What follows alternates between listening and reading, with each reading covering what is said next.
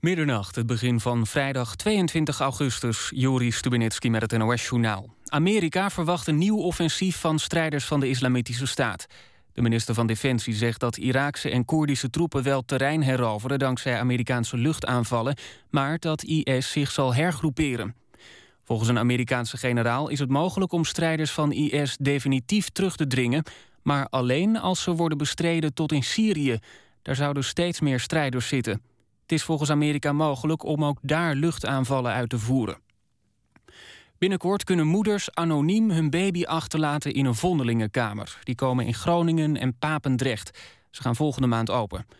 De Raad voor de straf, Strafrechtstoepassing in Jeugdbescherming deed onderzoek of er een verbod nodig is op vondelingenkamers. Maar omdat er maar weinig kinderen te vondeling worden gelegd, is een speciale wet niet nodig. Dat zei de Raad in Nieuwsuur. De Raad adviseert staatssecretaris Teven. Het is nog niet duidelijk of hij het advies overneemt. Burgemeesters van 129 Nederlandse en Duitse gemeenten zijn een handtekeningenactie begonnen tegen het plan om tol te heffen op alle Duitse wegen. De Duitse minister van Verkeer wil dat automobilisten vanaf 2016 op alle wegen in Duitsland tol gaan betalen. De burgemeesters van de grensgemeenten vrezen grote problemen voor onder meer de arbeidsmarkt, het toerisme en de samenwerking tussen ziekenhuizen en scholen. Minister Opstelten voelt er weinig voor om het verheerlijken van geweld apart strafbaar te stellen. Het CDA pleitte ervoor om de wet op dat punt te veranderen. Maar Opstelten voelt niets voor een soort gedachtenpolitie. Hij vindt wel dat er hard moet worden opgetreden tegen haatzaaien, oproepen om terrorisme te steunen of antisemitische uitlatingen. Het weer, vannacht in het noordwesten regen, het wordt ongeveer 8 graden. Overdag meer regen en hooguit 16 graden. In het zuidoosten nog enige tijd zon bij een graad of 20. Dit was het NOS Journaal. NPO Radio 1. VPRO. Nooit meer slapen.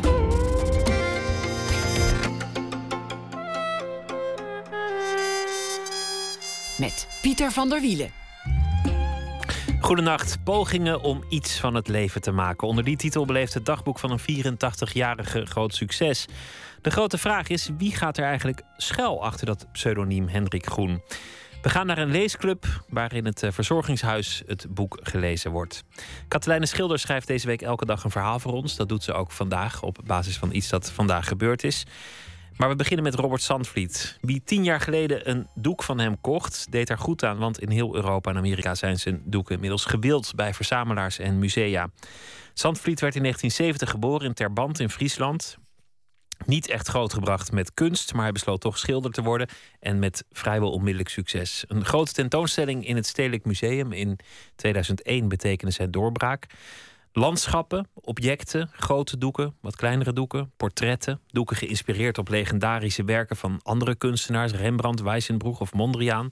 Zandvliet lijkt de stilstand te schuwen. In de Pont in Tilburg zijn vanaf het eind deze maand schetsen van hem te zien, die aan de basis stonden van grotere schilderijen. Welkom, uh, Robert Zandvliet. Dank je.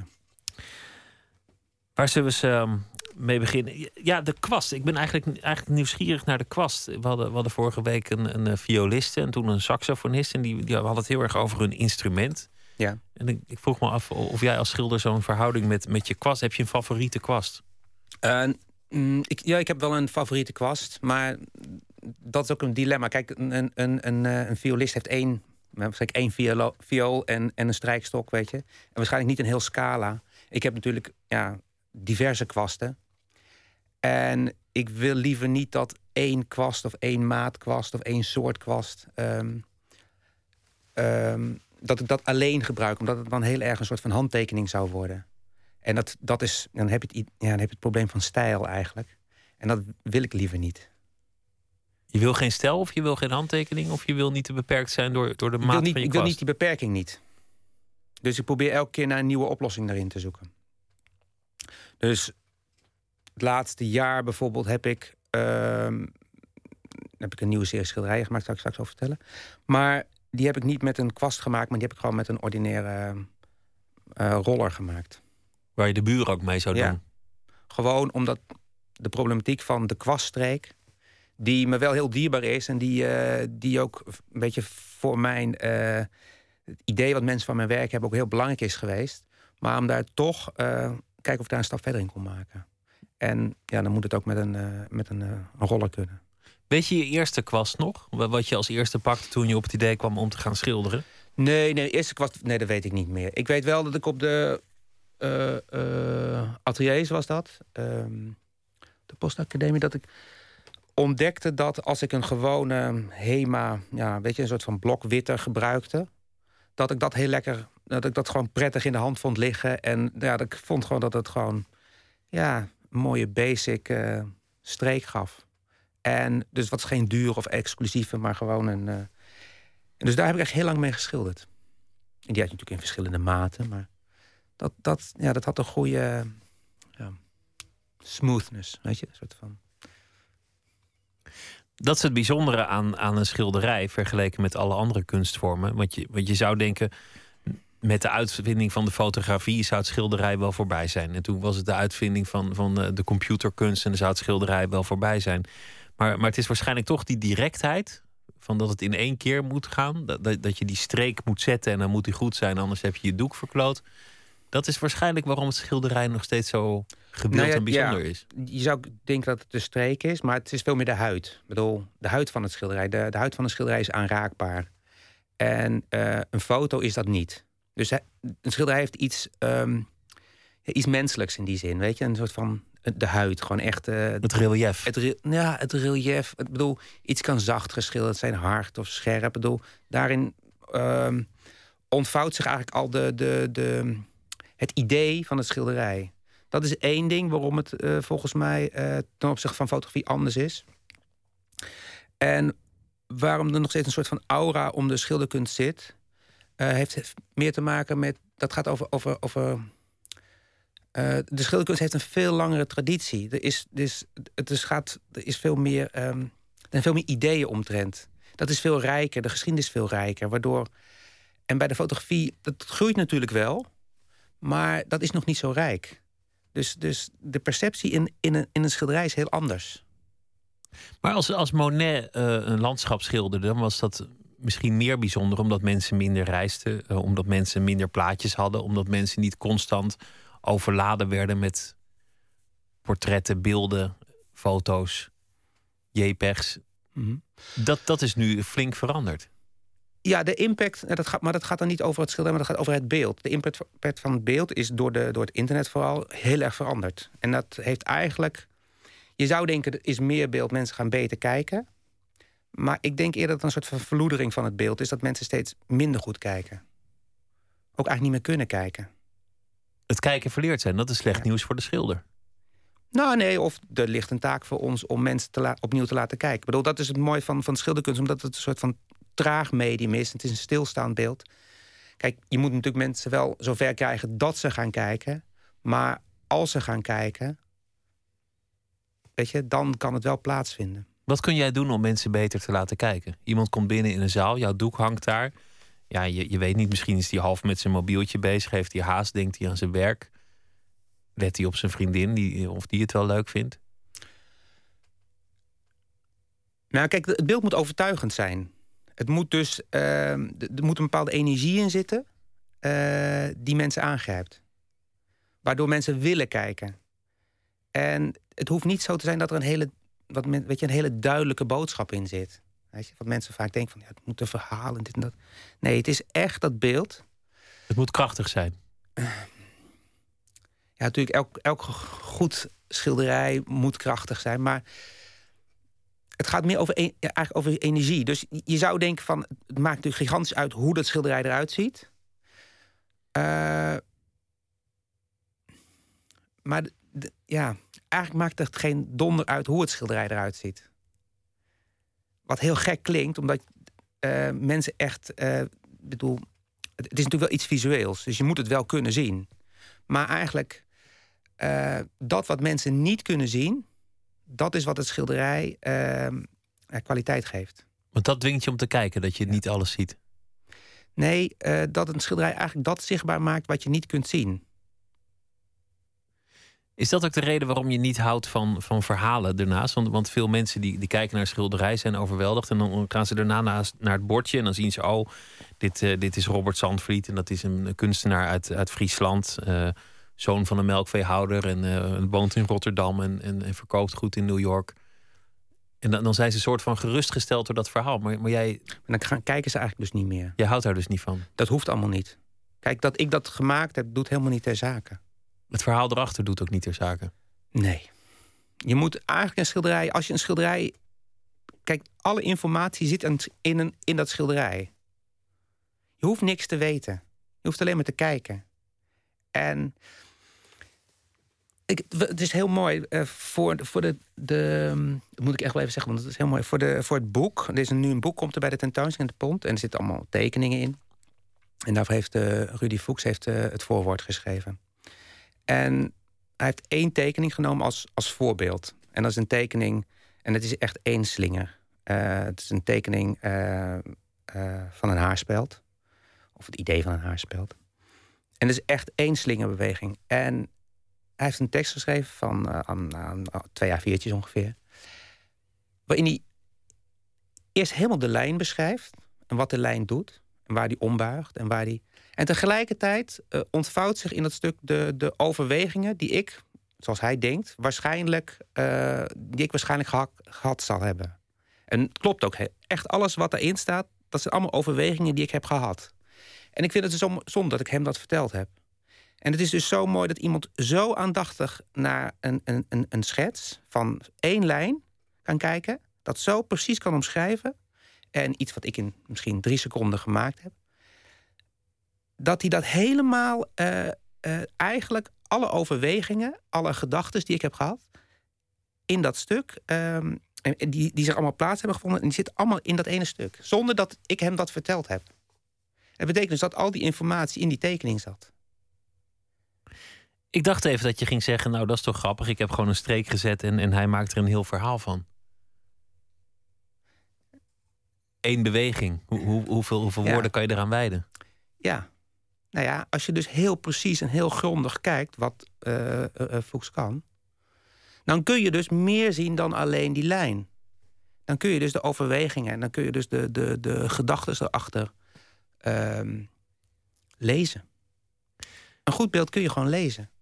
Moet je het vaak overnieuw doen? We hadden het over een kwast en dan, dan, dan liefst zo'n HEMA-kwast. Zo'n zo'n lekker grove kwast. Inmiddels niet meer hoor. Maar... En dan en één zo'n beweging, dan, dan ja, mors je misschien wel eens wat of je spettert wat. Hoe, hoe vaak moet je zo'n doek weggooien? Nou, dat, dat, dat ligt eraan. Vroeger schilderde ik op een manier dat ik laag over laag over laag schilderde. In de zin van dat ik net zo lang doorschilderde tot, tot de lijn op de goede plek stond. Je kun je een beetje vergelijken met zoals Mondriaan zijn schilderijen maakte. Niet dat mijn schilderijen op die van Mondriaan lijken, maar die schoof op het doek met zijn lijn. Eerst begon hij met houtskool en dan begon die vlakken zo in te delen. En langzaam schoof dat zo, weet je, tot die lijnen langzaam op de goede plek stonden. Dat is een manier. En, uh, en ik moet wel heel veel schetsen maken. En ik maak sommige schilderijen ook soms twee, drie keer in het op ware grootte. Schets ik ze op ware grootte om uit te zoeken waar alles moet staan. Maar nu is het wel zo de laatste jaren eigenlijk dat ik dan. Ja, dat ik niet zo'n uh, schilderij wil wat over en over en over geschilderd is. Ik wil eigenlijk een schilderij wat in één keer geschilderd is. Dus. Live eigenlijk. Ja, de, dat je echt precies ziet wat ik gedaan heb. Echt een moment vangen. Ja, maar dat is natuurlijk wel helemaal geconstrueerd en helemaal. Uh, uh, ik heb helemaal naar het, gestuurd naar het ene moment. Dus al het werk wat ik daar vooraf heb gedaan, dat hoef je niet meer te zien. Weet je? Ook al heb ik het tien keer uitgeprobeerd. Of, uh... Ja, maar een pianist die oefent ook voordat hij optreedt. En op het podium doet hij het in één keer. Nou, want ik, wat, wat, ik, ja, wat ik heel graag. Kijk, en het kan best zijn dat in die ene, die ene keer dat er ook foutjes in dat beeld zitten, maar die sta ik dan toe. Het is niet zo dat ik een foutloos beeld wil hebben. Maar het, het gaat meer om dat als zo'n werk in één keer geschilderd is, dan, dan, dan, dan lukt het me beter om die energie te vangen in het beeld. En voor degene die het koopt, is dat denk ik het bijzondere. Dat hij één moment heeft, één streek die in één keer goed ging. Of, of misschien bijna goed ging. Of die nooit opnieuw gemaakt zal worden op precies diezelfde uh, manier. Ik zei aan het begin, als ik uh, tien jaar geleden een, een, uh, een zandvliet had gekocht, dan had ik daar goed aan gedaan. Want dan was die veel meer waard geworden. Of misschien als ik hem twintig jaar geleden had gekocht. Wat heb jij daaraan? Wat merk jij ervan als schilder dat elders jouw doeken heel veel meer geld waard zijn geworden? Want jij hebt het ooit verkocht voor de prijs die er toen voor stond. Nou, dat is wel grappig met mijn werk. Mijn werk komt zelden op de, op de veiling. Dus kijk, het werk wordt, wordt langzaam duurder. En, uh, maar er wordt heel weinig werk van mij uh, weer doorverkocht. Dus, dus die grote piekmomenten die je met veel andere kunstenaars hebt, die heb jij niet zo. De, de records op de veilingen. Dat het ineens door het plafond gaat. heb ik helemaal niet. Nee, nee dat, dat, uh, dat heb ik niet zo. Bij mij is het. De ontwikkeling van, van de, de prijs van mijn werk is geleidelijk gegaan. Weet je, ik, ik, ik was natuurlijk heel jong dat ik begon en het ging vrij snel heel goed. Dus de prijs ging in het begin heel snel uh, best omhoog. Uh, en toen heb ik de stap naar het buitenland gemaakt. Is die prijs langzaam zo steeds wel uh, omhoog gegaan. Maar die prijs wordt natuurlijk heel erg bepaald ook door de dingen die, die, natuurlijk die je gedaan hebt. Weet je, wat het is, maar een beetje schilderij 30.000 euro? Hangt van de maat af. Kijk, een klein schilderij kost echt geen 30.000 euro. Maar, maar gewoon een, zo'n zo'n zandvliet zoals de mensen ze zouden kunnen kennen. Van, ja, van 2 bij 1 meter. Ja, dan kom je in die, in die richting, ja. Nou, er zijn niet heel veel kunstenaars die nog leven... die dat, die dat soort bedragen opbrengen. Meer dan je zou denken. Ja? Dat valt echt reuze mee. Ja, er zijn echt veel kunstenaars die dat soort prijzen kunnen krijgen. Ja. Is het goed voor jou, eh, het geld? Dat, dat, het, dat het veel opbrengt? Want dat geld komt niet bij de kunstenaar terecht. Dat is een van de merkwaardige dingen in, in de kunstmarkt. Dat het niet altijd zo hoeft te zijn dat de kunstenaar nou, nee, dat is natuurlijk, Nee, natuurlijk. Als op het moment, wat probeer ik net uit te leggen van... Uh, op het moment dat mijn galerie, weet je, of de galerie waarmee ik werk, het werk verkoopt, dan krijg ik natuurlijk, weet je, daar, dan komt het geld naar mij toe. Voor, een gedeelte, en het gedeelte is voor de galerie. Ja, daar, daar kan je een prestage voor afspreken, maar iedereen, iedereen blij. Ja, dat is de afspraak die je maakt. Op het moment dat iemand het koopt en die denkt na vijf jaar, weet je, ik heb er genoeg van, ik breng het naar de veiling. En uh, ze hebben misschien voor 5000 gekocht en het is de veiling opeens 50.000 wordt er, krijgt hij ervoor. Ja, dan daar krijg ik ja, 4% van of zo. Weet je, dat is een soort van regel. Dan krijg je nog wel iets, maar bijna niks. Maar dat, dat maakt, weet je, uh, voor mij maakt het niet uit. Ik hoef er niet nog een keer aan te verdienen. Uh, het is alleen vervelend als uh, mijn werk verhandeld wordt en, en de prijs op de veiling meer is, dat het meer waard wordt op de veiling dan dat het in de galerie waard is. Want dan wordt het een handelsobject. Ja, dan gaan mensen naar de galerie om een werk te kopen en dan brengen ze naar de veiling in de hoop zo geld te verdienen. Zonder er misschien zelfs naar te kijken, want dat is gewoon dozen verplaatsen, dat is gewoon geld verdienen. Ja, ja. en dan wordt het gewoon belegging. Weet je? En dan, dan gaat het helemaal niet over, het gaat het over handel. En dan ben ik helemaal, dat bedoel, kijk, wij proberen natuurlijk met de galerie altijd wel te voorkomen dat dat gebeurt. Maar ja, dat... Hoe kun je dat voorkomen? Door niet aan iedereen te verkopen? Ja. Maar ja, weet jij veel wie iedereen is? Je werk hangt ook in, in grote bedrijven. Ik geloof dat de Rabobank uh, een, een, flink aantal van die, van die doeken heeft. Vind je het moeilijk om afscheid te nemen? Je, je hebt iets gemaakt dat misschien een, een, sleutelwerk in je oeuvre is gebleken. Je, je hebt daar eh, hard aan gewerkt. En je moet, je moet het daarna moet je er afscheid van nemen. Dan, dan moet je eigenlijk iemand anders bellen als je het nog eens zou willen zien. Je eigen doek. Nee, het is heel raar, maar uh, het maakt mij helemaal niet uit. Ik bedoel, niet dat ik het graag verkoop of zo. Weet je, het gaat niet om het geld. Of, weet je, maar voor mij is het belangrijkste het moment dat ik het gemaakt heb. En de ervaring die ik in dat moment uh, uh, heb ervaren. En daarna, nou, koester ik het werk wel, maar ehm, kan ik heel makkelijk afstand van doen. Want ehm, ik heb het moment beleefd. Ik weet. Het is gelukt. Het, is gebeurd. Ja. Ik zag op televisie hoe zo'n doek vervoerd werd. Het werd uitgeleend door, door de Rabobank voor een grote ja, dat was, dat was een beetje een gedoe, ja. Dat, dat moest met en een... Uh... dat, dat ging klunzig, joh. En het raam ging open en het was ook een beetje miserig weer. En dan ging dat enorme doek aan een soort takel dat, dat, dat raam uit. Het was een beetje een onhandig formaat. Het is een heel mooi schilderij, maar dat is vijf meter... en dat kan niet in de lift en het kan niet over de trap. Dus het moest door het raam. Bij mij gaf het het gevoel van, van nagels op het schoolbord. Om, om dat zo te zien, dat, dat er zo dat zo'n doek vervoerd wordt en, en hoe dat gaat. Hoe is dat voor jou? Ik heb het niet gezien. En, en vroeger wilde ik het allemaal weten. En tegenwoordig heb ik zoiets van... ik zie het wel als het uh, op de plek van de bestemming is. Het komt ook wel goed. Het komt meestal goed. En um, ja, nee, er zijn hele goede transporteurs die dat heel goed kunnen. En het gaat meestal goed. Maar het gaat ook wel eens mis. Maar ja, oké. We gaan straks uh, hebben over, uh, over meerkwasten, verf, uh, beeld en, en over je leven. Maar we gaan eerst luisteren naar muziek uit Londen. Vier leden en ze noemen zich naar een kort verhaal van Angela Carter, Wolf Alice. Heel lang bestaan ze nog niet, maar hebben al wat mooie muziek gemaakt. Het nummer dat wij draaien heet Heavenly Creatures.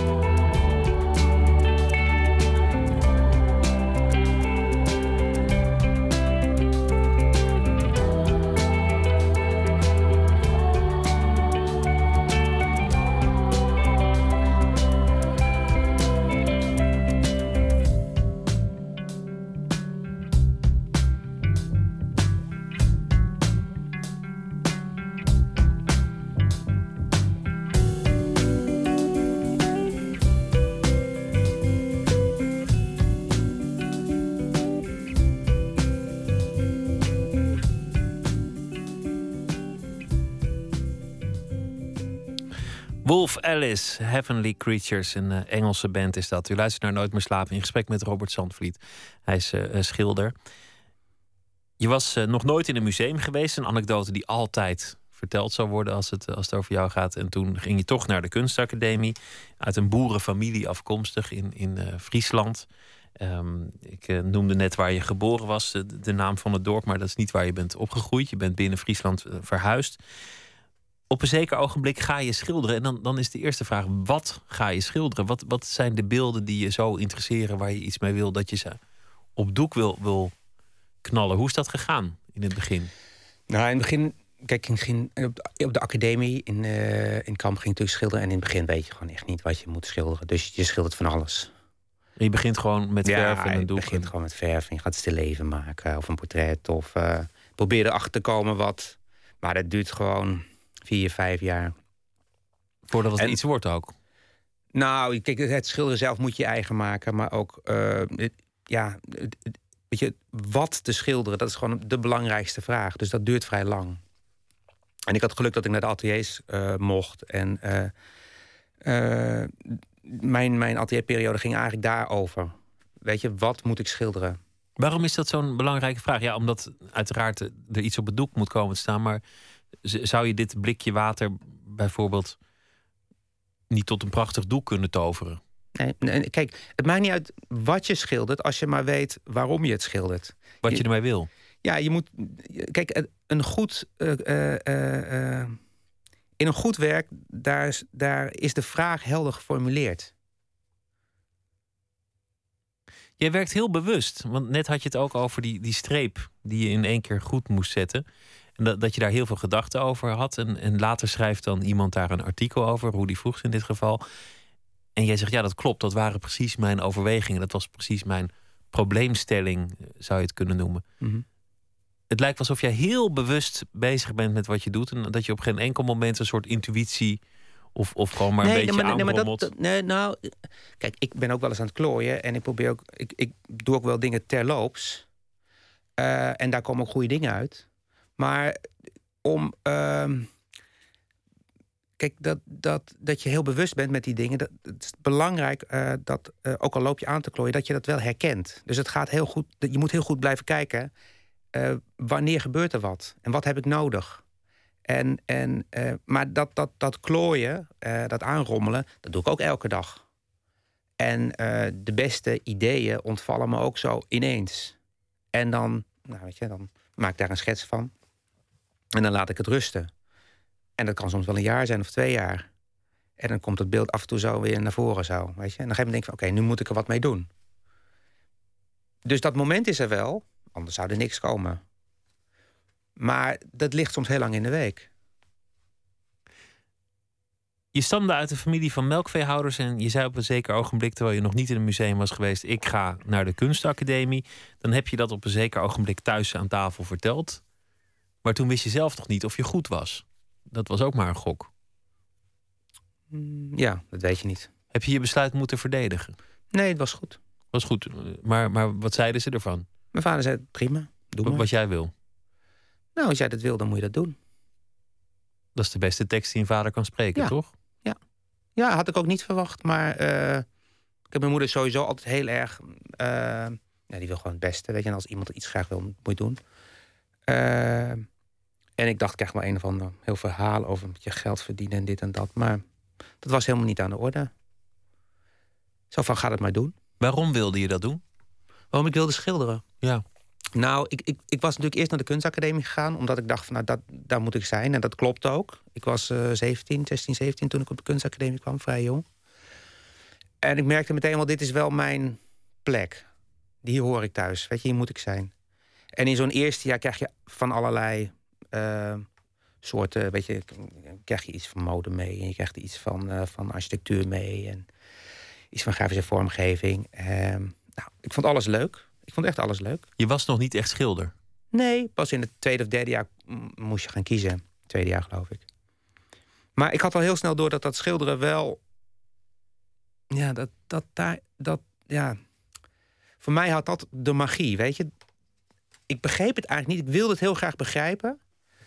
Maar ik, ik kreeg mijn vinger er niet achter. En daarvan dacht ik van, oké, dat ja, ik wil dat gewoon weten weten wat de magie van het schilderij is? Ja. Kijk, ik weet inmiddels. Dat is een hele moeilijke vraag eigenlijk. Ja, ik weet, ik weet natuurlijk inmiddels veel meer. Maar die magie die blijft. En dat vind ik wel heel mooi. En tegenwoordig heb ik een hele andere vraag.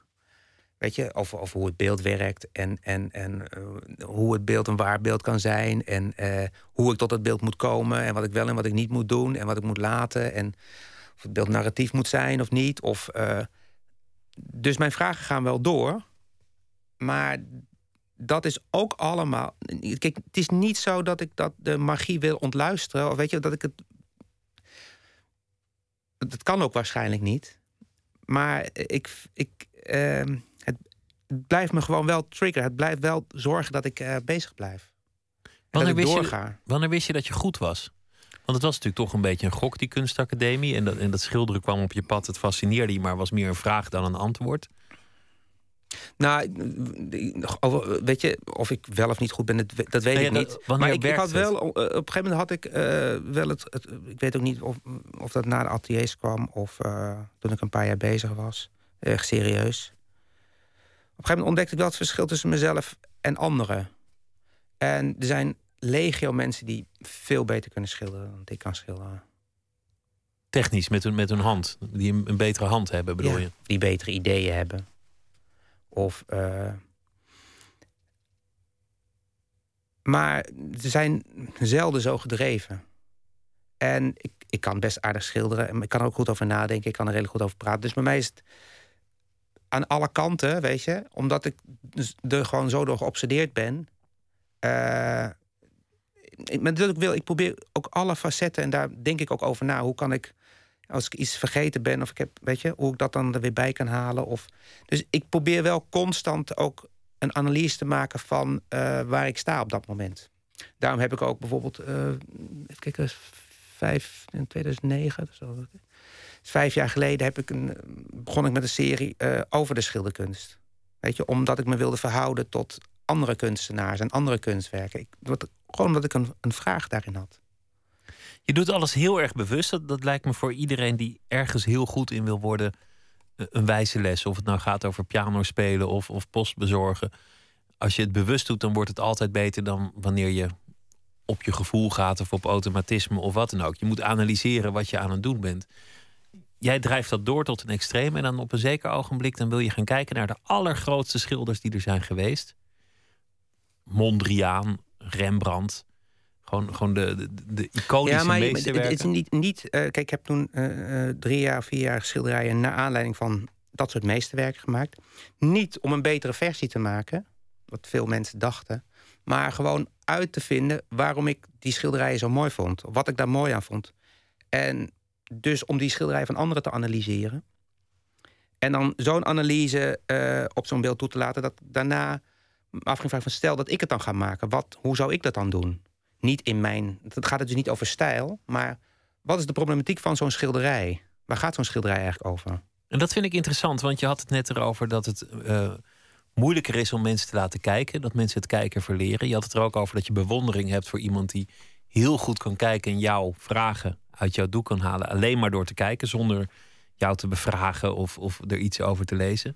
En nu doe jij dat, of, of deed jij dat bij, bij een Mondriaan of bij een Rembrandt of, of bij een, een Wijzenbroeg of bij, bij wie dan ook. Hoe kijk jij dan? Nou, ik, ik heb, ik heb probeerde heel. eh, eerst gewoon door het kunstgeschiedenisboek te bladeren en wat vind ik mooi. En vaak kan ik in het begin kon ik ook helemaal niet omschrijven, maar wat vind ik nou zo mooi aan dat schilderij? Waarom raakt me dat? En dan ga ik zo'n heel schilderij gewoon ontleden.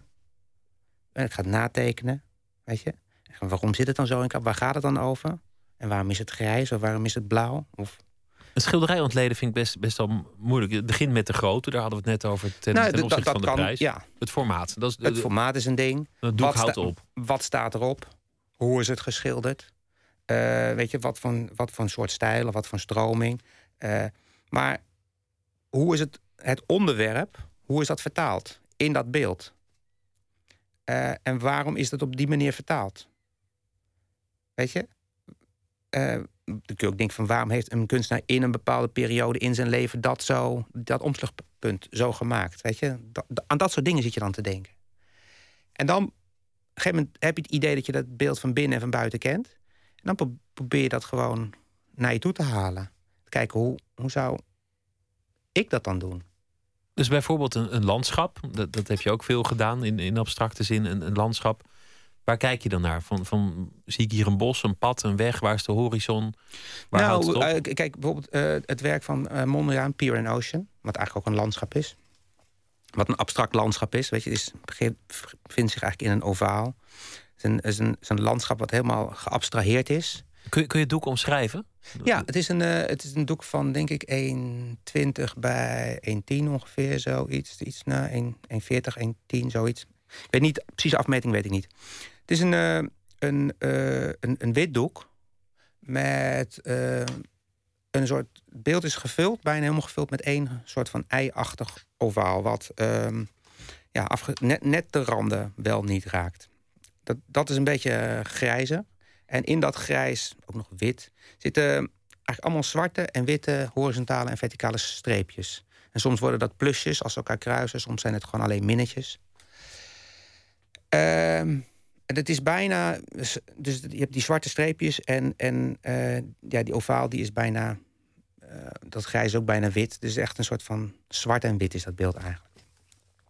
Een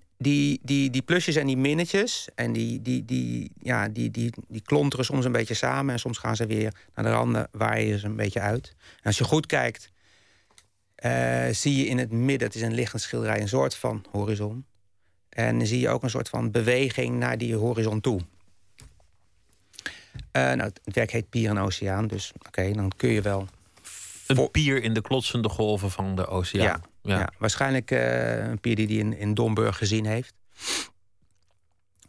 Uh, nou, daar zit ik dan naar te kijken en dan, dan, nou, dan weet je natuurlijk al veel. Ik heb bijvoorbeeld schetsen gekeken van, van, van dat schilderij. En er zijn dan ook, ook abstracte schetsen met plusjes en minnetjes. Maar als je dan nog verder terug gaat in de tijd, dan zie je ook gewoon dat hij die pier ook echt, dat hij daar ook schetsen van gemaakt heeft. Uh, dus dan weet je dat het uit een figuratief beeld komt.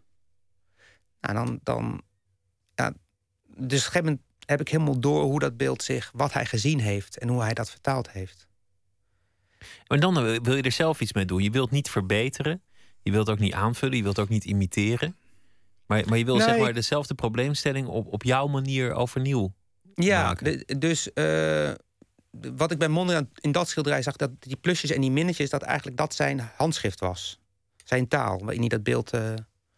Nou, ik stelde me datzelfde beeld voor. Dus die pier en die oceaan. En ik dacht, wat is nou mijn handschrift?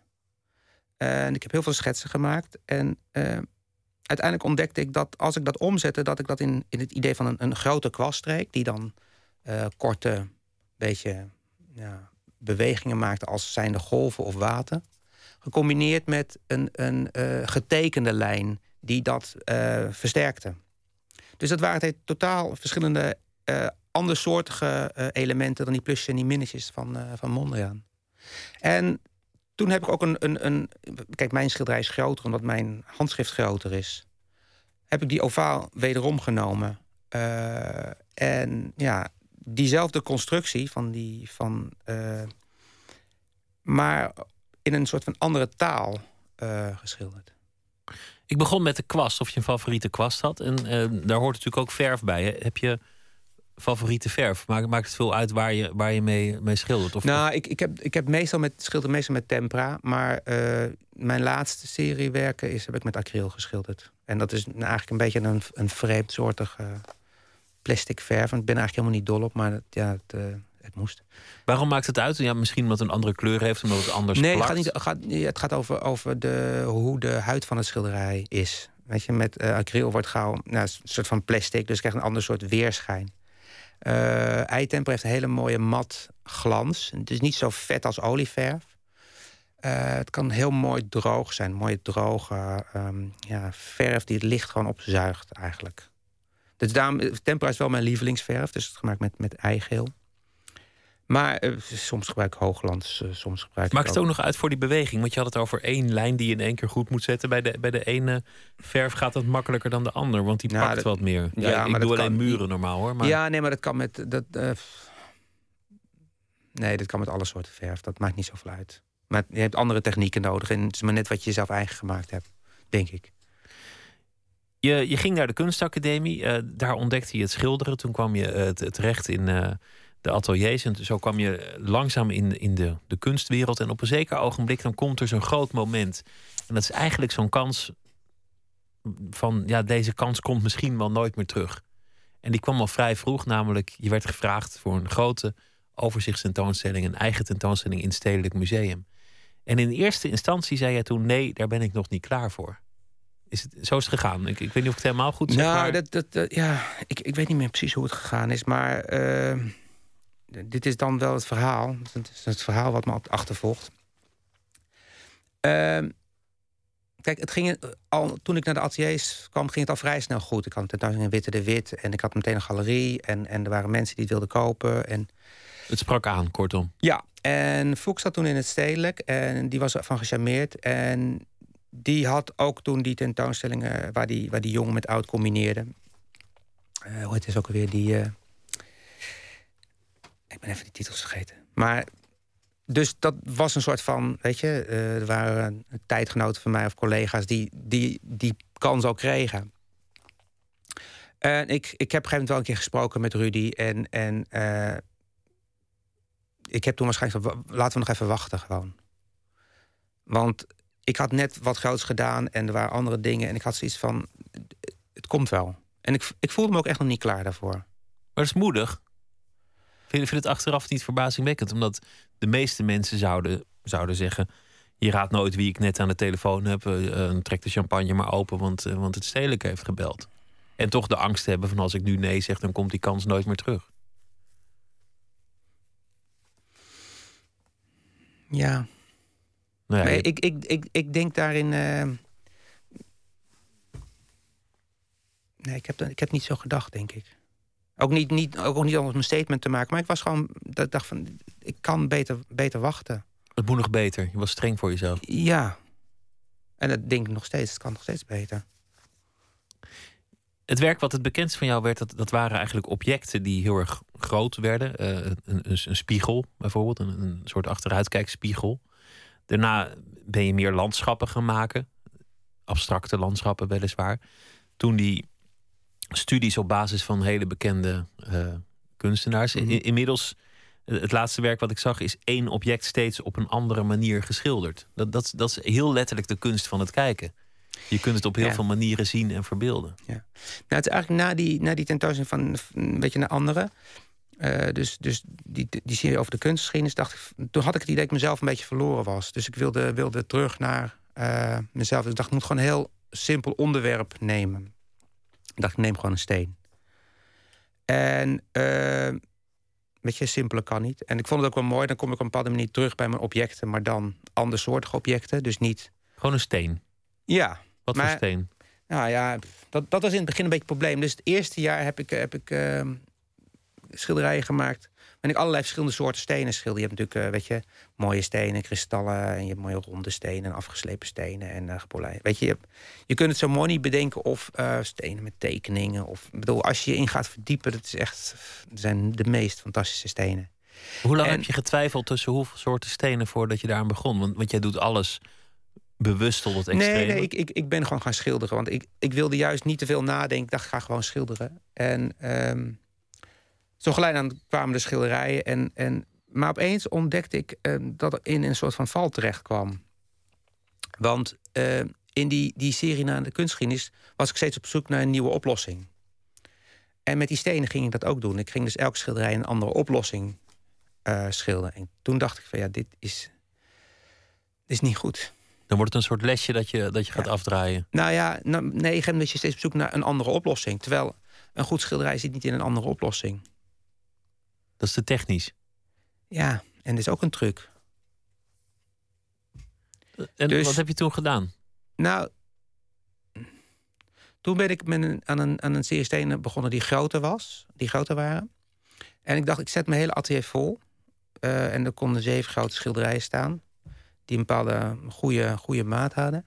En ik dacht, ik ga gewoon een zeven schilderijen tegelijk werken. En dan desnoods kom op, komt op elke, elke schilderij dezelfde steen te staan. Dat maakt me niet uit. Maar ik wil van dat probleem af. En want ik, ik, ik had door dat ik door die oplossing in, eh, in hoe het eruit zag... voorbij ging aan waar het om zou moeten gaan. En, maar ik wist niet precies wat ik, wat ik eigenlijk zocht. Want ik zocht niet een mooi, mooi schilderij van een mooie steen in een mooie kleur. En dat is niet wat ik zocht. Dus, eh, dus door die zeven schilderijen heb ik mezelf gigantisch eh, voor het blog gezet. En ik heb eigenlijk echt gewoon maanden geschilderd en geschilderd en geschilderd. En, de, en de, ja, op een gegeven moment had ik op alle schilderijen wel een soort van ei-achtige steen. Overal dezelfde en andere kleurtjes. Dat was het natuurlijk ook niet. Eh, maar op een gegeven moment ontdekte ik wel waar, waar het over ging. Wat doe je met die schilderijen die het niet zijn? Maak je die kapot? Of, eh, Nou, in eerste, er in eerste of? instantie schilderde ik, ik ze steeds over.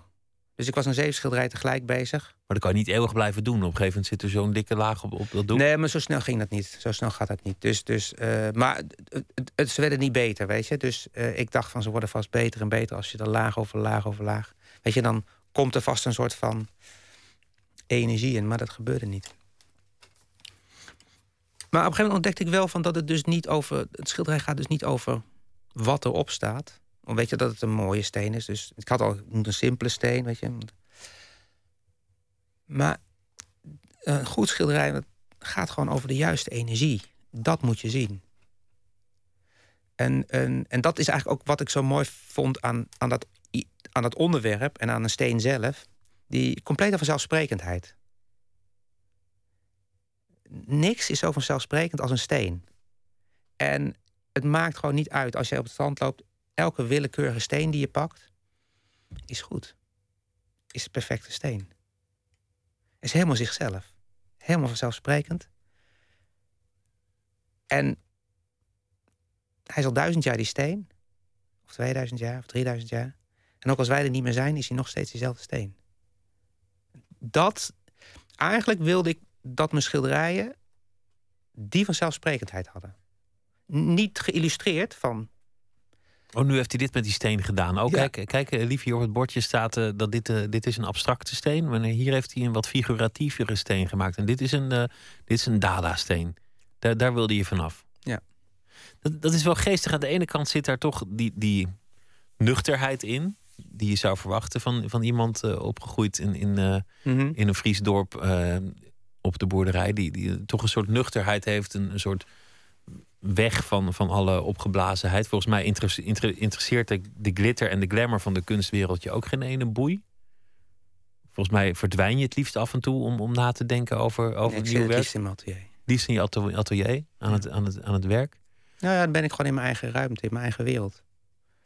Maar op, op dit vlak is er, is er eigenlijk niks nuchters aan jou. Want, want, want als het gaat om, om de intellectuele kant van, van het schilderen, om, om na te denken, het doorgronden van wat de schilderij is, wat de schilderij goed maakt, dan ga je daarin heel ver, in, tot in het detail. Je ja, maar ook, ook, kijk, ik, ik zie het zelf ook als een, een, een proces waar ik zelf in zit. Weet je, op een gegeven moment maak je iets eigen en dan word je goed in.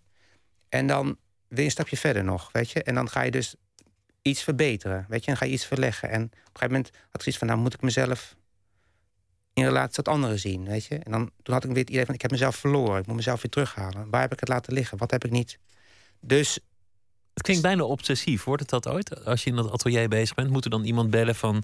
Robert, het is mooi geweest? Nee, nee, dat is, valt ontzettend mee. Want ik, ik, ik, ik, ik werk gewoon van maandag tot vrijdag. Het weekend werk ik nooit.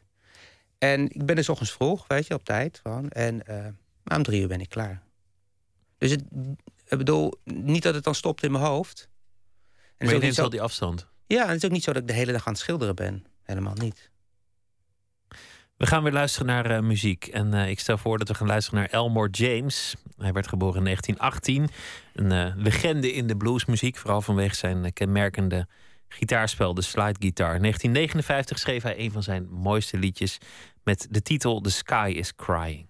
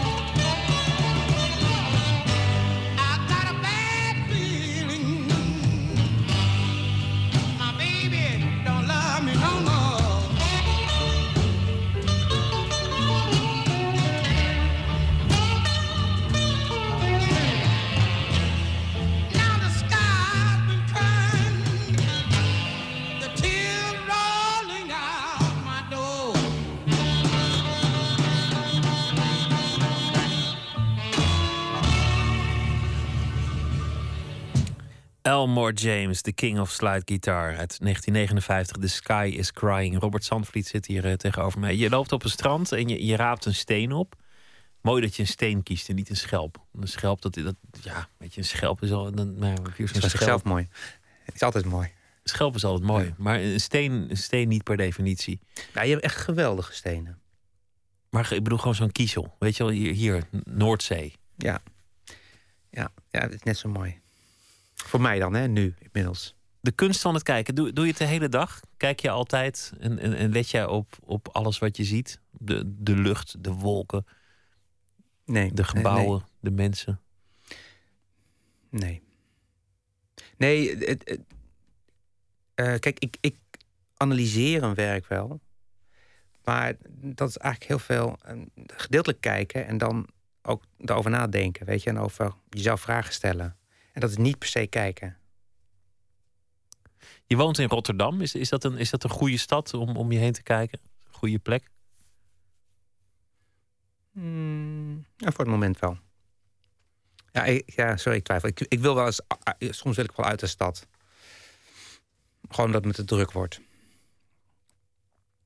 Ja, dat, dat, is, een, dat is een heel andere... Is, ja, dat is een heel ander ding je komt binnen in een museum en dan heb je al, al zeg maar de, de, zaal uh, Renaissance en dan heb je de zaal Middeleeuwen en, Barok en dan heb je al die, al die zalen Romantiek en dan op een gegeven moment kom je bij de, bij de zaal Hedendaags waar dan jouw werk hangt en, en, alles is een soort les aan het worden. Het is, het is een, een, les van, oh hier werd het impressionisme en toen werd het dat en, en deze kunstenaar die verloor zijn oor en die werd gek en, de andere kunstenaar die uh, verloor zijn liefde en uh, werd ongelukkig.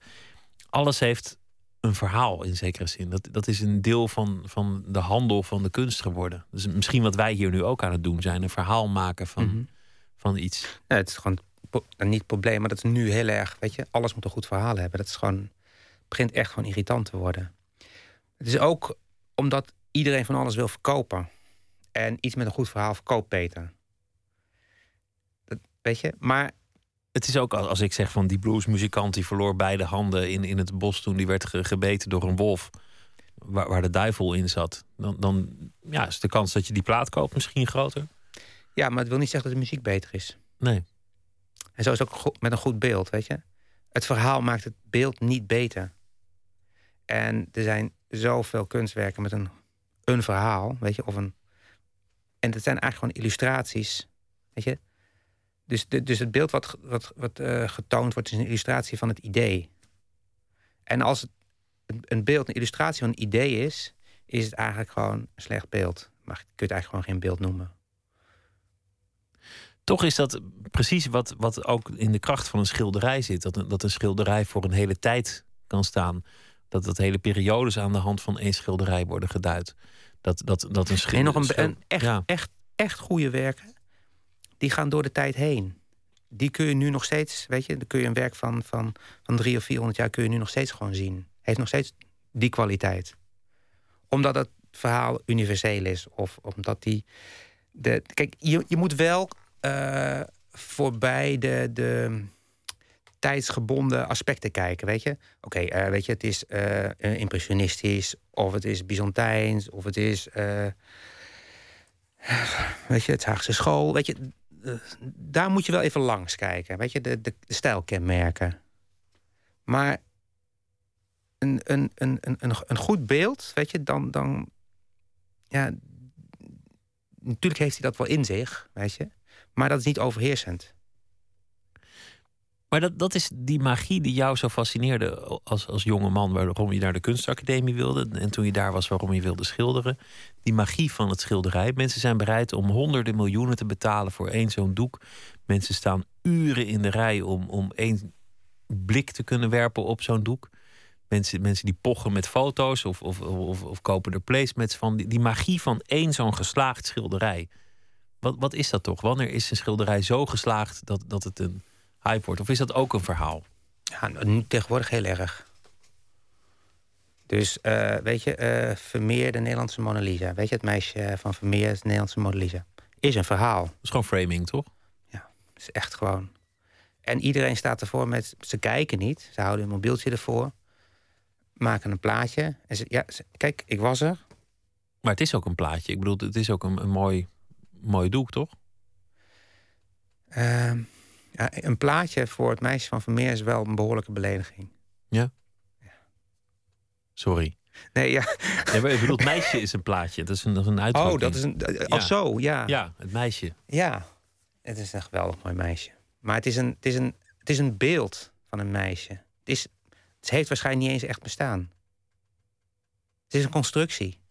Maar wa- wat is nou die kracht van het schilderij wat, wat jou zo fascineert? Waarom, waarom een, een goed schilderij uiteindelijk ja, zoveel dingen overstijgt? Ook in een cultuur die permanent doordrenkt is van, van, van beeld. Van, van op onze telefoons, op overal foto's. In, in een paar seconden zie je iets en je, je begrijpt het. We zijn in zo'n visuele cultuur terechtgekomen. En dat wordt alleen maar meer. Beeld is alles. Nee, het gaat sneller. Hè? De, de, we hebben meer frames per eh, seconde krijgen, om het zo maar te zeggen. Die we tot ons kunnen nemen. Ehm, sorry, je vraag. Wa- waarom blijft, blijft toch die magie van, van een schilderij? En wordt dat eigenlijk alleen maar meer? Oh nee, d- kijk, het mooie van een schilderij is die vertraging. Weet je? En dat het stolt. Het is een gestold beeld. Het is niet een. En kijk, een, een, een snapshot is een, is, is een plat, weet je? Maar een schilderij is, is een gelaagd beeld. Kun je eraan ontsnappen om zelf een verhaal te worden? Als je een succesvol kunstenaar bent die, die in, in musea komt, in de, in de boeken komt. Nu hangen jouw schetsen in de pont in Tilburg. Dan kunnen mensen de ontstaansgeschiedenis van jouw doeken volgen. Het is echt een, een blik in de keuken. Je ziet hoe het tot stand komt. Dat is eigenlijk ook al een soort, soort verhaal.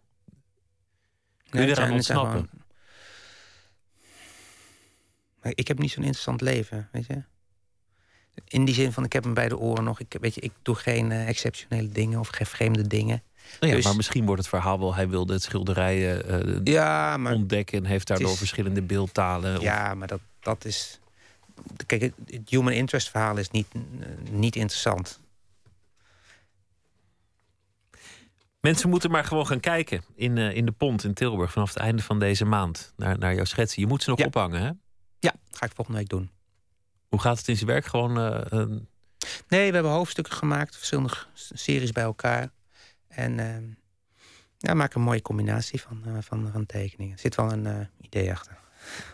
een, verhaal, wilde ik bijna zeggen. Ja, bijna een verhaal. Hoeveel doeken komen daar te hangen? Of hoeveel, hoeveel Nee, kijk, die, die, die zeven stenen komen er te hangen. En qua schetsen, bedoel, er zijn met mijn selectie gemaakt van 200 schetsen. Maar ik denk niet dat die allemaal komen hangen. Zullen er minder worden. Ik denk 100 of zo. Ik wens je heel veel eh, succes. En eh, te zien vanaf 30 augustus in eh, Museum de Pont in Tilburg. Robert Zandvliet, hartelijk dank. En een eh, goede reis eh, naar, Ja. naar Rotterdam. Thanks. Zometeen gaat Nooit meer slapen verder. Dan eh, krijgt u onder andere een verhaal bij de dag. Dat doen we elke dag. En dat is deze week Katelijne Schilder die dat doet. We gaan het ook hebben over een, een bestseller. De pogingen om iets van het leven te maken van Hendrik Groen. Wie is deze 84-jarige Hendrik Groen, die eigenlijk een andere naam heeft? We gaan naar een verzorgingshuis om te kijken hoe de doelgroep of de beschreven groep het zelf ervaart. En eh, beeldend kunstenaar Olvaart Den Otter voert actie. En eh, we gaan zo meteen horen waarvoor die actie voert. Het VPRO NMS is het Twitteradres en anders via de mail nooit meer slapen vpro.nl. Graag tot zometeen.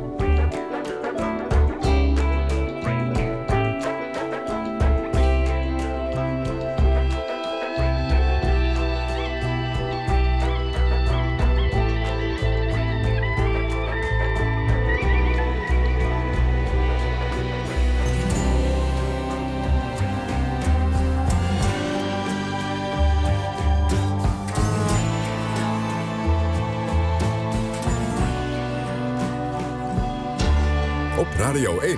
Het nieuws van alle kanten.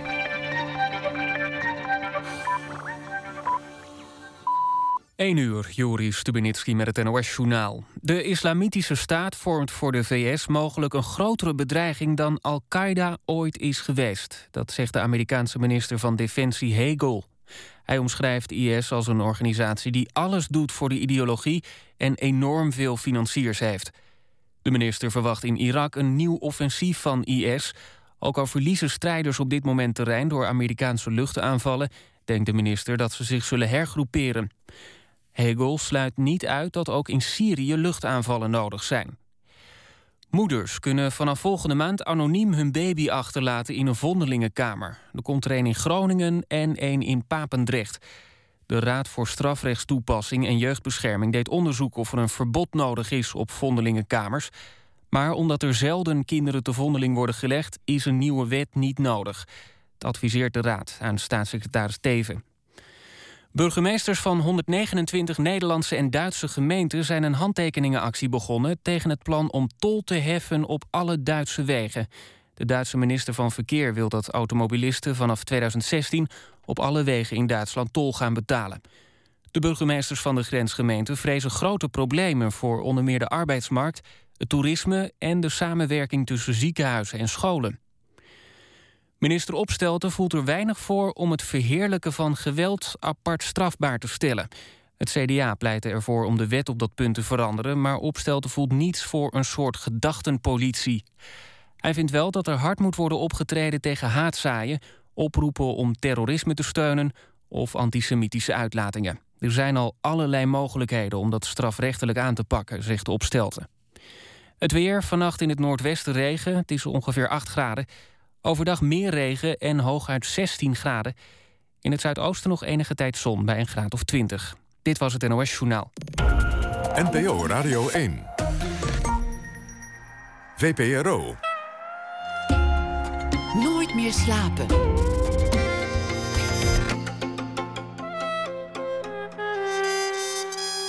Met Pieter van der Wielen.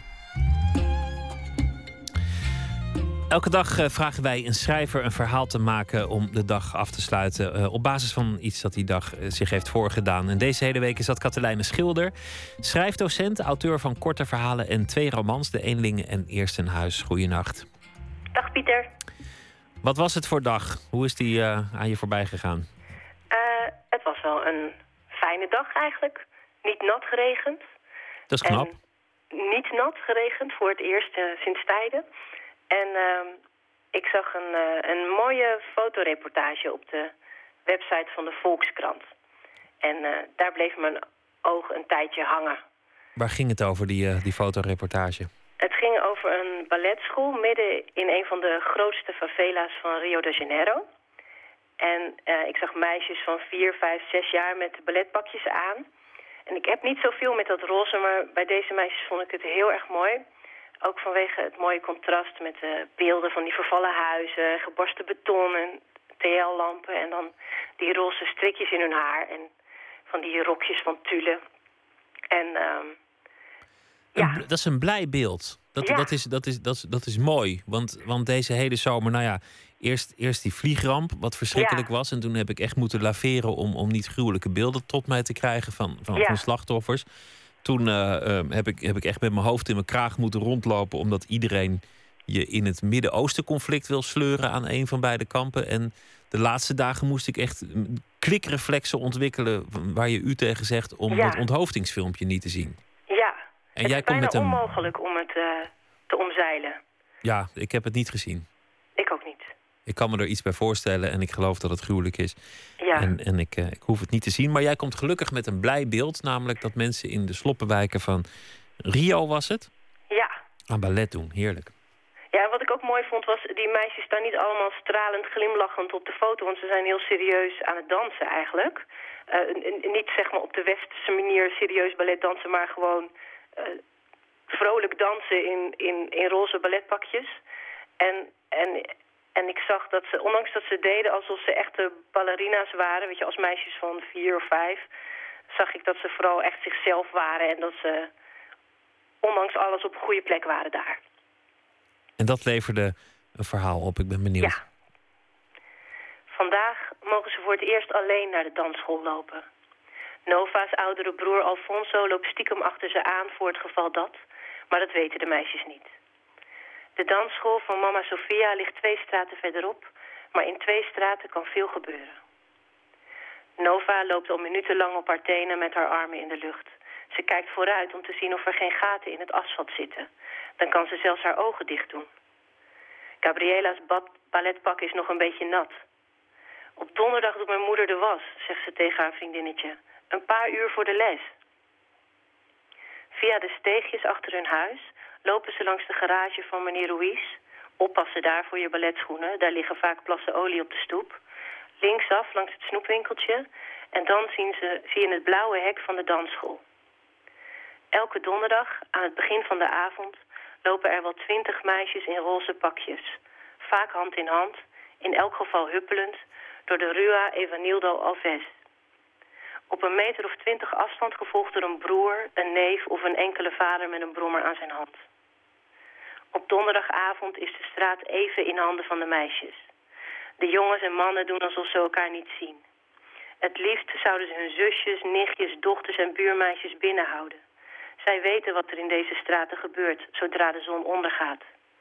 Maar zie een meisje dat wil dansen, maar eens tegen te houden. Dat lukt je niet. Dat is uh, een optimistisch einde. Je zult ze ook niet stoppen. Als ze eenmaal willen dansen, dan zullen ze dansen. Ja, hè? Maar eh, vaak zijn de meisjes ook niet het probleem in sloppenwijken, maar, maar de jongetjes. Dat, Ja. dat is moeilijk. Hoe krijg je die op het rechte pad? Die meisjes, dat lukt vaak wel. Ja, en het leek me zo'n eh, fijne gedachte dat een paar uur per week eh, is de straat van hun. zeg maar. Van de balletdanseressen en, en, en niet van het, eh, van het geweld. Ja, Nou, dat is, eh, dat is, eh, dat is mooi, ja. Prachtige gedachte. Het, het heeft ook wel iets... Ja, die, die onschuld tegen het contrast van zo'n sloppenwijk... nu ik erover nadenk, heeft ook iets droevigs misschien. Ergens ja juist weer. absoluut. Ik denk dat daarom die foto's ook zo interessant waren. Want eh, foto's van balletpakjes eh, in, van meisjes in Amsterdam, is, eh, daar zou ik zo langs klikken. Zeg maar. maar het komt juist door het, het contrast van het verval dat, dat het zo mooi was, denk ik.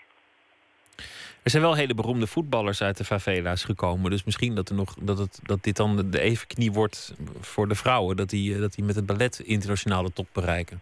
Ja, dat vind ik een hele mooie gedachte. Daar wordt het tijd voor. Voor eh, goed nieuws uit eh, de favela's. Absoluut.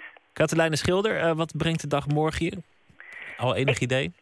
Nee, ik weet het eigenlijk nooit. Ik, ik, ik vind het heel erg leuk om het op de dag zelf te bekijken. Wat je verhaal wordt. Maar, maar is er Ja. al iets wat je gaat doen morgen waarvan je denkt... misschien dat het daar wel in zit of, eh, of dat, zelfs dat niet? Nee, eigenlijk zelfs dat niet. Het, eh, ik hoor net dat het 16 graden wordt met regen. En ik, ik ga er alles aan doen om het daar niet door te laten beïnvloeden. Ik heb niet eens gekeken. Ik ging er gewoon blind vanuit dat het wel weer iets met regen wordt. Maar eh, nou, je grootste missie vanmorgen is om niet nat te regenen en om een ja, mooi dat gaat verhaal te... mislukken, dat weet ik wel al. Nou, dan een mooi verhaal. Katelijne Schilder, dank je wel. Tot En morgen. een eh, hele goede nacht. Tot morgen. Uit North Carolina komt Malcolm Holcomb. En hij speelt ook weer de blues. En dat deed hij dit jaar nog op tournee in Nederland. Van Lage Vuurse tot Almelo speelde hij. Deze weken verscheen er een nieuw album, Brewery Lane Theater. En daarvan draaien wij Pitiful Blues.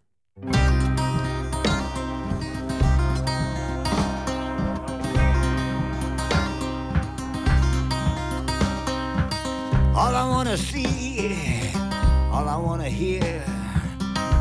People dying, screaming for the fear, an eye for an eye. Tooth, boy, tooth. And I ain't learned nothing but the poor, pitiful blues. Now, go tell your mama tell your daddy too. They drove me crazy, telling me the truth. An I for an eye, tooth for a tooth. I ain't learned nothing but the poor,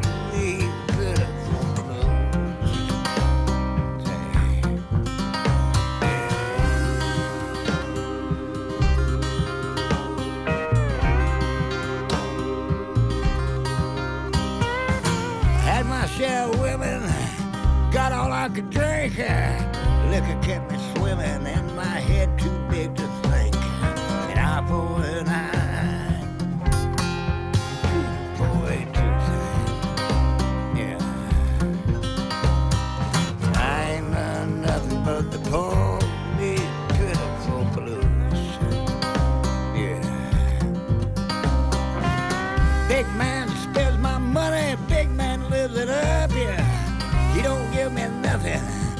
he don't give me some,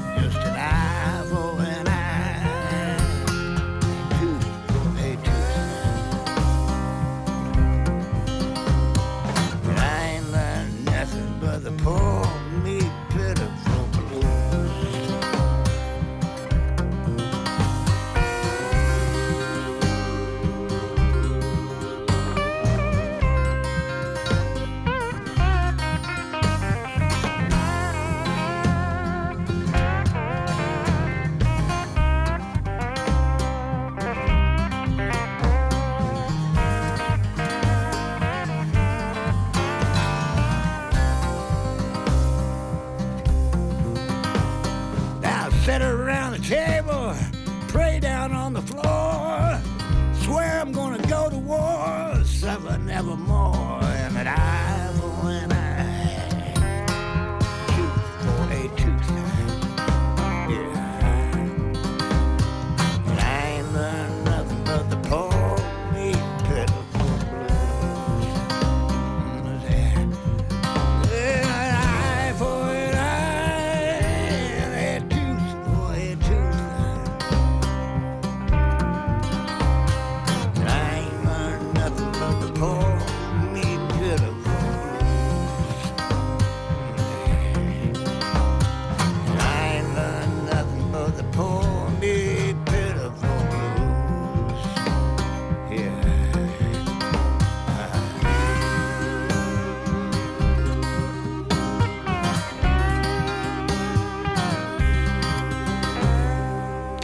Pitiful Blues was dat van Malcolm Holcomb.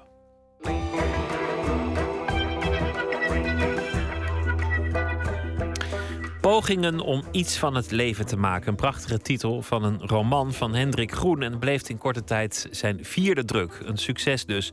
En dat is opmerkelijk, want het gaat hier om het dagboek van een man van bijna 84, woonachtig in een verzorgingshuis. Recensenten waren enthousiast, moesten denken aan Willem Elschot en Dick Schwab. Ook wordt er in Letterenland flink gespeculeerd over wie er nou achter dat pseudoniem van Hendrik Groen zou kunnen zitten. Maar wat vinden de 80-plussers er eigenlijk van? Onlangs werd het boek besproken in een leesclub in verzorgingshuis Korthagen in Amsterdam-Noord. Verslaggever Tjitske Mussen mocht erbij zijn. Zijn er wel mensen die ouder zijn dan 100 hier toevallig? Nee, niemand? Op een regenachtige middag is de aula van verzorgingshuis Korthagen in Amsterdam-Noord gevuld met zo'n 50 bewoners uit verschillende bejaardenhuizen uit de buurt. Voor hen op tafel ligt het dagboek van Hendrik Groen, zij aan zij met een plakje cake. Ik zit hier aan tafel bij vier dames. Eh, eh, jullie hebben het boek allemaal al gelezen, toch? Jawel, ja, zeker. Ik heb het twee keer moeten lezen. Twee keer. Ja, mijn memory is niet meer zo lang terug, weet je. Dus ik denk, ik ga het nog maar een keer lezen. Ja, dat dacht ik ook hoor. Oh, ik heb genoten hoor. Van het, ja, Ja, Oh, ik heb het, begint al, het begint al heel leuk. Het begint ook al zo leuk. Ja, wat, wat is er zo leuk in het begin? Er is een eh, appelflap hebben ze gemaakt. En de mevrouw legt het op de stoel neer. En dan komt een ander binnen, die gaat zitten. En hij ziet het al. Sorry hoor. Zo lang. Hij die het allemaal ziet, is Hendrik Groen. Op 1 januari 2013 begint hij een dagboek over zijn leven in een verzorgingshuis in Amsterdam-Noord. Ik hou ook met de komende jaar niet van bejaarden. Dat geschuifel achter de rollators, dat misplaatst ongeduld. De eeuwige klachten, die koekje bij de thee, dat zucht en steunen. Ik ben 83, een kwart jaar. Hendrik heeft het niet zo op zijn huisgenoten. Zeurpieten, vindt hij het. Ze hebben het alleen maar over hun kwalen en het weer. Dat is ook vaak zo. Eh, Oudere mensen zijn ook zeurderig. Echt waar. Gelukkig heeft hij vriend Evert. Een vrolijke rebel die ook in het huis woont en de boel graag provoceert. Henk zelf zit dan te mopperen. En dan krijgt hij op zijn kop dat hij zegt... je moet niet mopperen, dat heeft helemaal genut. En anders hang je je maar meteen op aan de hoogste boom. Heb je er nergens last van. En dan komt Eefje in huis wonen. Hij krijgt toch een vriendin, Eefje. En dan gaat hij mee uit eten. Hij besteelt zijn halve uh, AOW eraan. Dat, dat vind ik de realiteit van zo'n moed. Ja, is het ook reëel dat mensen verliefd worden in een bejaardenhuis? Ja. We hadden bij ons een meneer Timmermans. Die was vier keer verliefd geweest.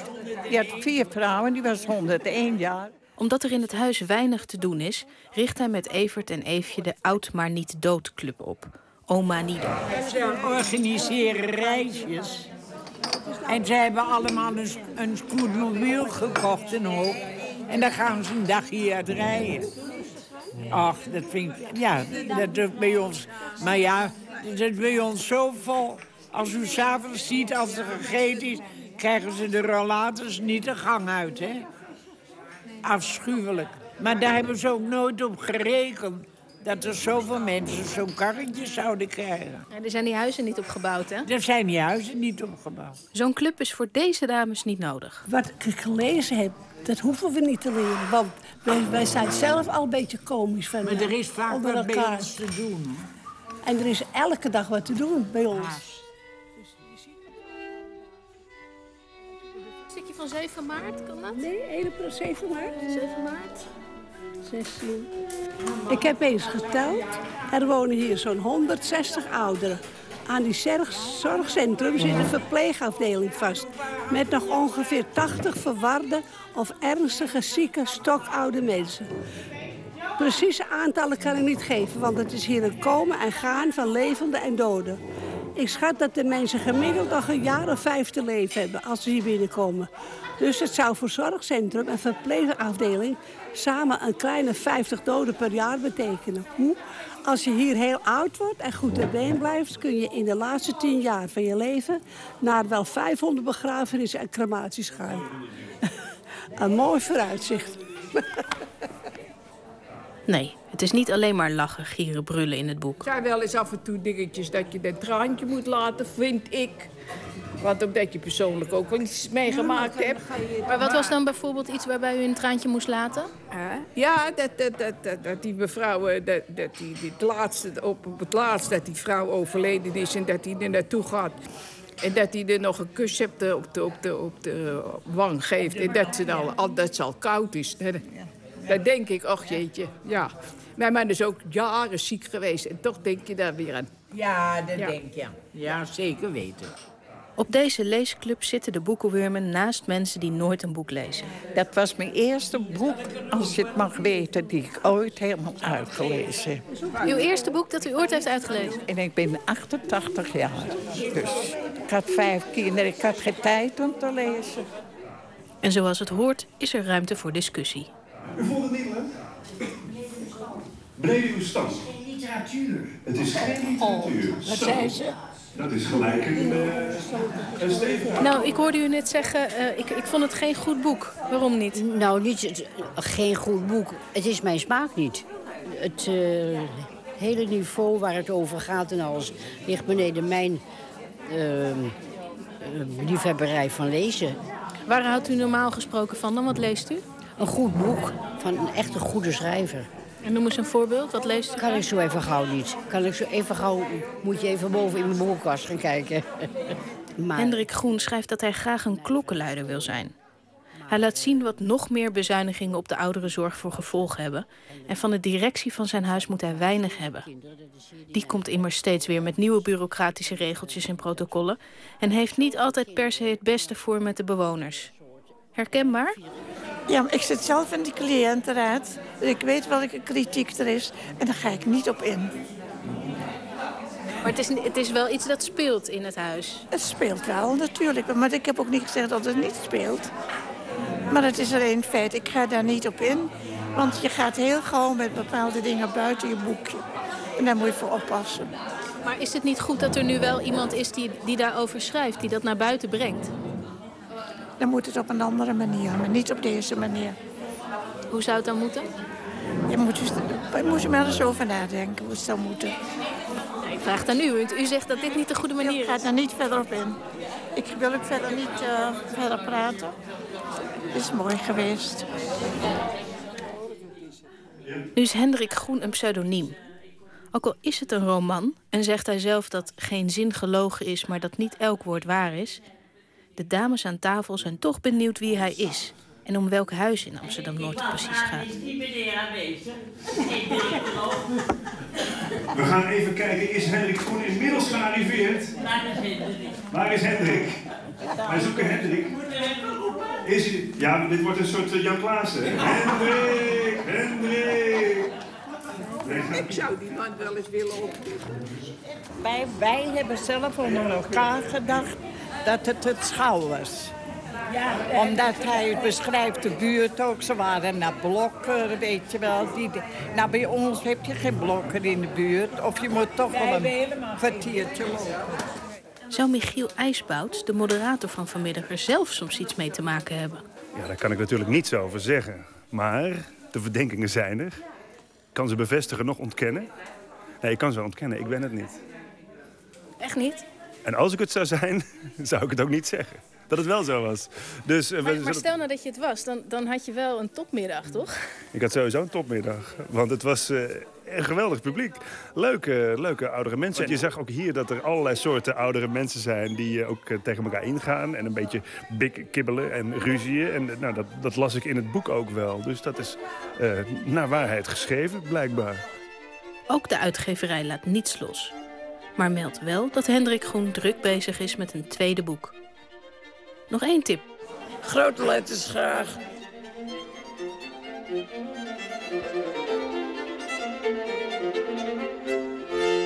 Pogingen om iets van het leven te maken van Hendrik Groen is eh, uitgegeven bij Meulenhof. Uit Noorwegen komt Erland Oya. Ooit maakte hij eh, deel uit van een akoestisch gezelschap, Kings of Convenience. Een tamelijk bekende band was dat. Later ook zat hij bij The Wildest Boy Alive. Maar sinds een jaar en wat meer dan een jaar doet hij het allemaal eh, solo. Binnenkort een nieuw album en daarvan hoort u vast Garota.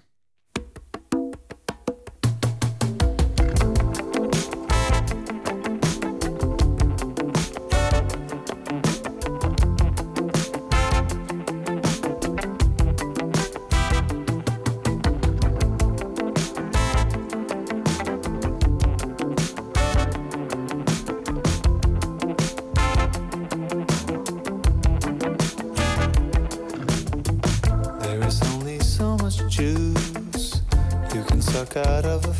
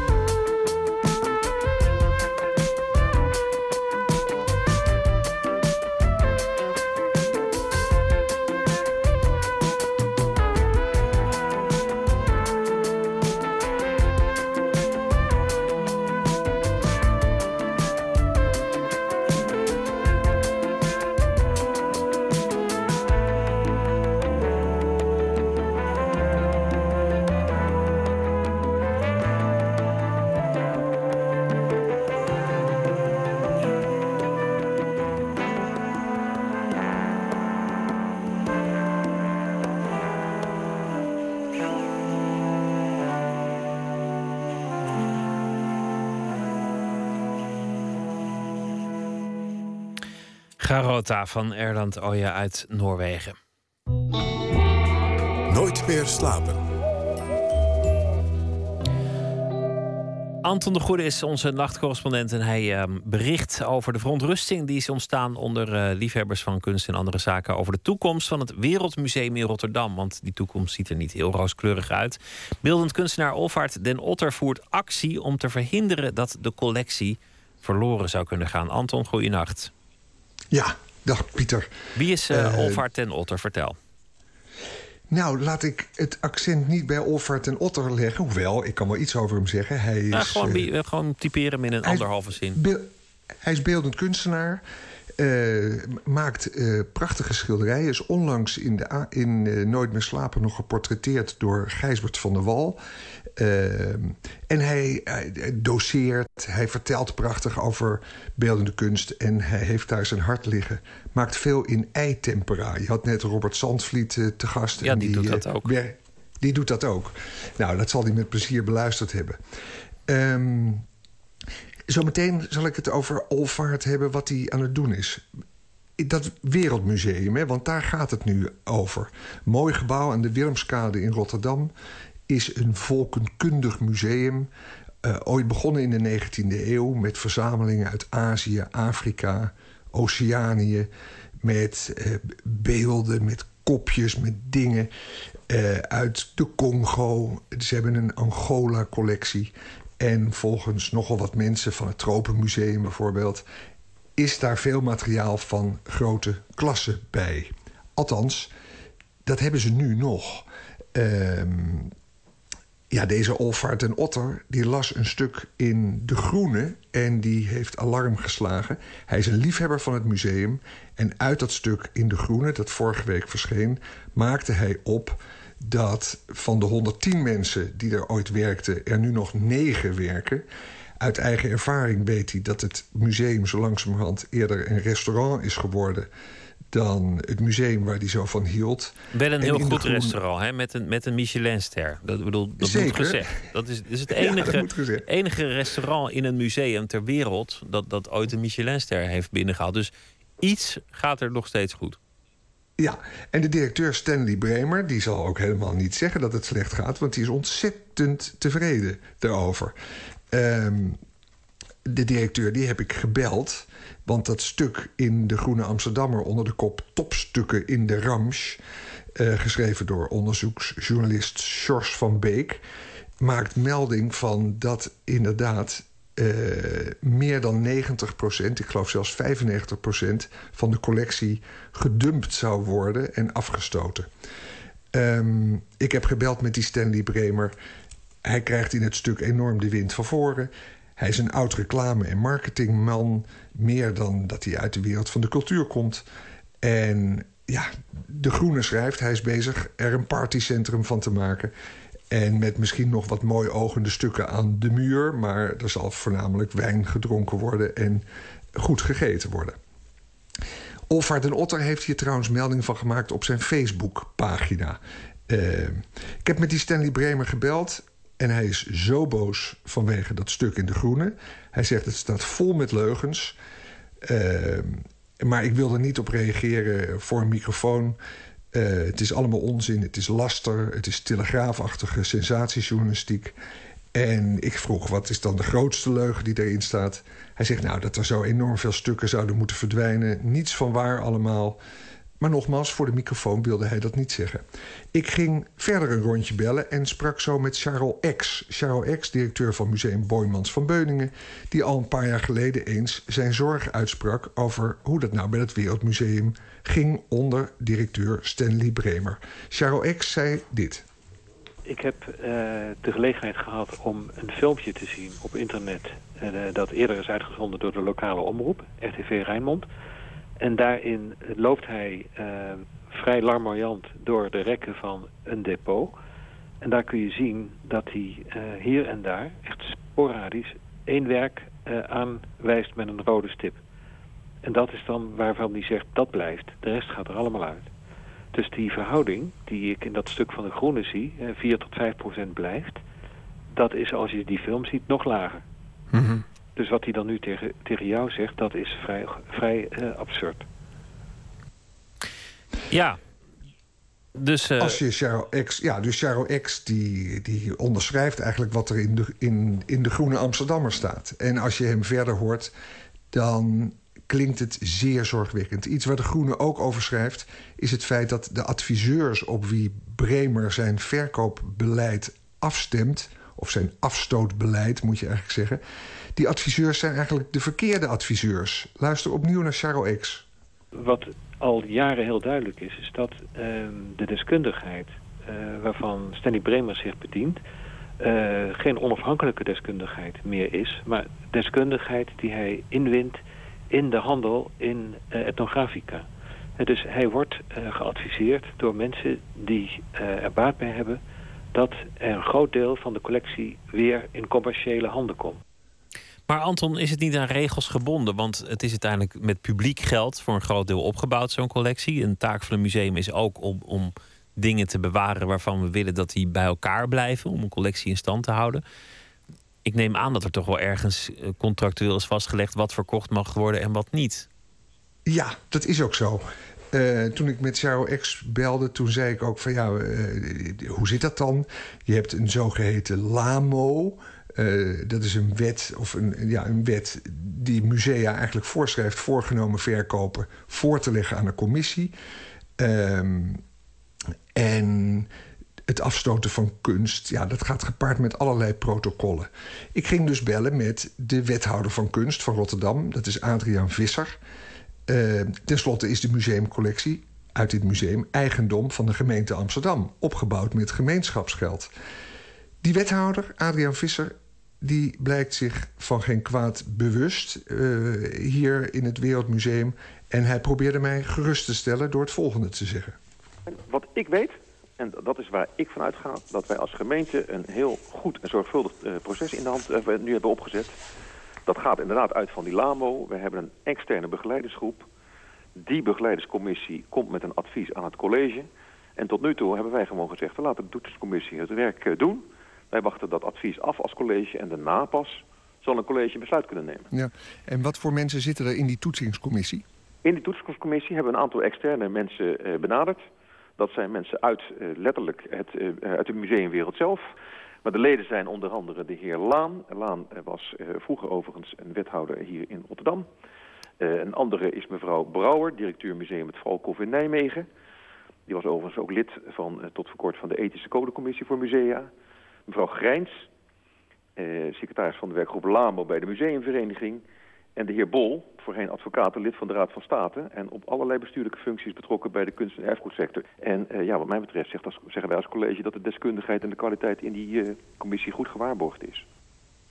Goed, duidelijk twee kanten aan het verhaal. Aan de ene kant dus een, een reclameboer die niks van musea weet... die ineens baas wordt van een belangrijke collectie... en die op de markt gooit, aange, geadviseerd door een, door een paar... Uh, patjepeers uit de commercie die hun handen snel op die stukken willen leggen. En, en daartegenover het verhaal van een, een afgewogen commissie van wijze mensen die zich aan de regels houden en dat met uiterste zorgvuldigheid doen. Eh, twee duidelijk totaal tegengestelde verhalen. Ja, maar de vraag is natuurlijk of Adriaan Visser, die nog maar een half jaar uh, wethouder van kunst is in Rotterdam, voldoende op de hoogte is. Uh, en Inmiddels startte dus die Olvaart den Otter, zelfbeeldend kunstenaar zoals gezegd... een actie via Facebook waar hij uh, dus de noodklok luidt... Um, en over dat stuk van de Groene steeds komt... waarvan die Bremer dus zegt dat het allemaal leugens bevat.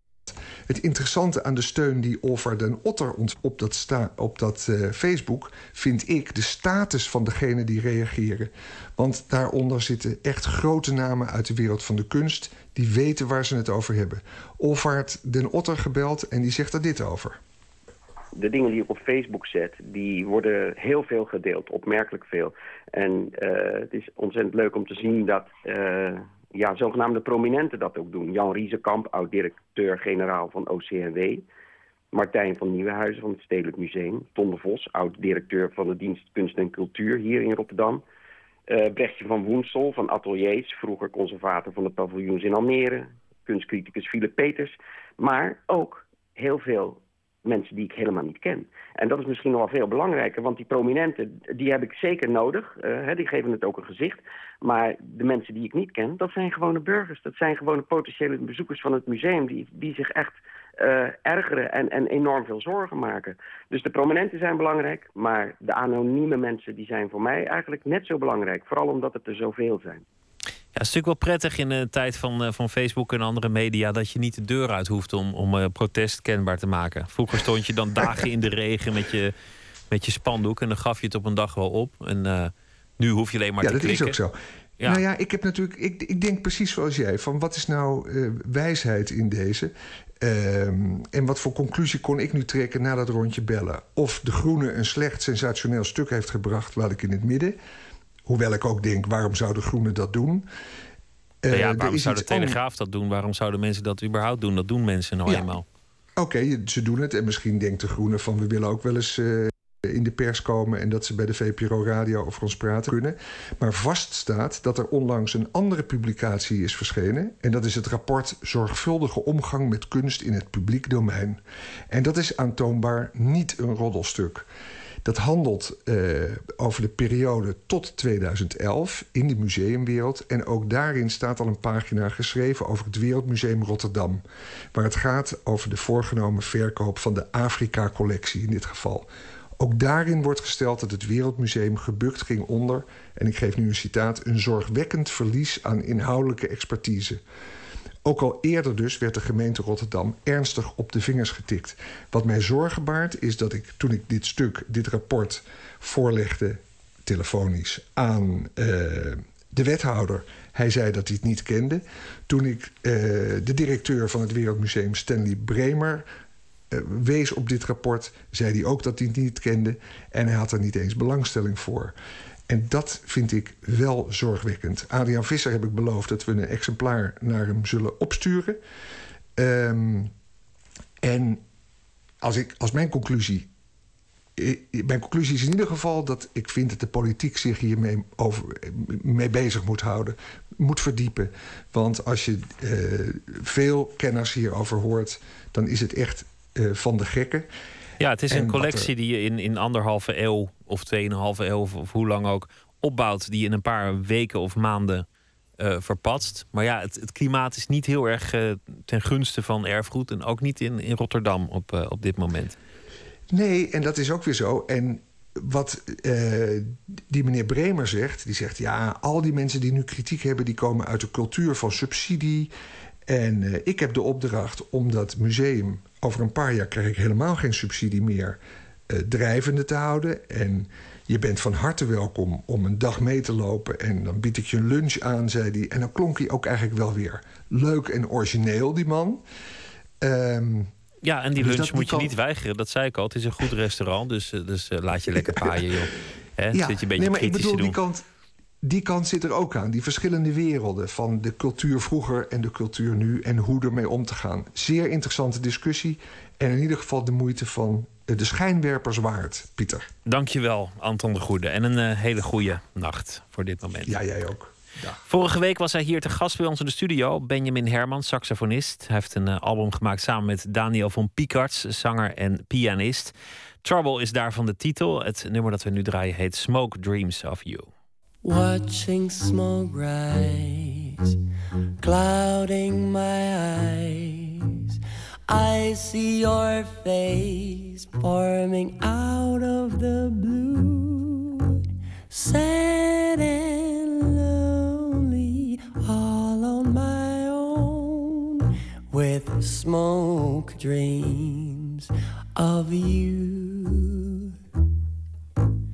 in reverie, sweet memory takes me again to the days that we knew. We were happy, now I'm alone with smoke dreams of you. In the twilight silent room, I light a cigarette. First the glow that's warm, then the ashes form. Just like a vanished love I can't forget. Paradise lost at what a cost. There's no escape in the things that I do. I'll be haunted all my life through with smoke dreams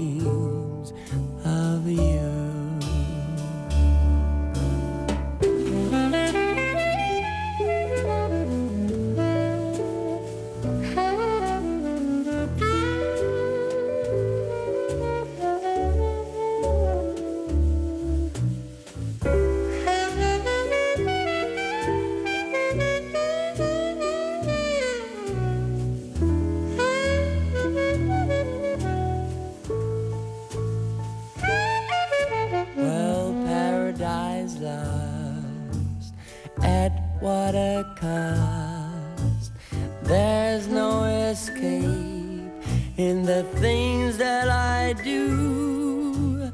I'll be haunted all my life through with smoke dreams,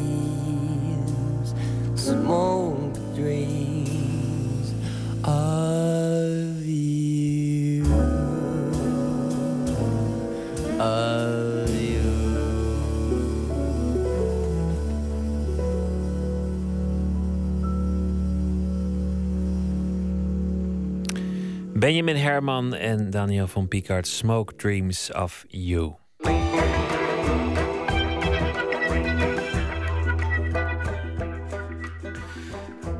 Het eh, regent eh, al een paar dagen onophoudelijk en eh, dat wordt in de toekomst alleen maar meer als de klimaatscenario's enigszins kloppen. Ons land zal alleen maar meer en hardere regen te verduren krijgen.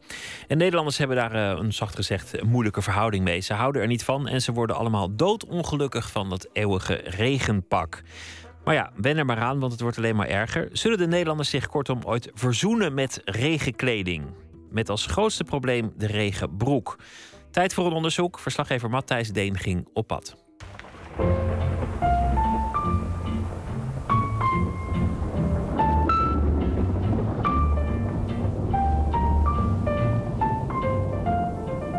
Het klimaat verandert. En voor ons betekent dat dat het vaker en vooral ook onstuimiger zal regenen. Zoals op 28 juli nog, toen een enthousiaste optocht van megabuien het openbare leven ontregelde. Extreem weer in grote delen van ons land vandaag. Veel plaatsen leiden hevige regenbuien tot grote overlast. Kelders en straten liepen onder water. Het is slecht nieuws voor al die mensen, en dat zijn er nogal wat, die niet gezien willen worden in hun regenkleding. Omdat ze het het meest onpraktische, onflatteuze, oncomfortabele en in veel gevallen ronduit lelijkste onderdeel van hun garderobe vinden. Gaat u maar bij uzelf te raden. Of informeert u maar in uw omgeving. Nee, echt niet. Ik, ik ga liever naakt of in een jute zak... dan in zo'n blauw, veel te groot pak met een broek. Of, nee, nee.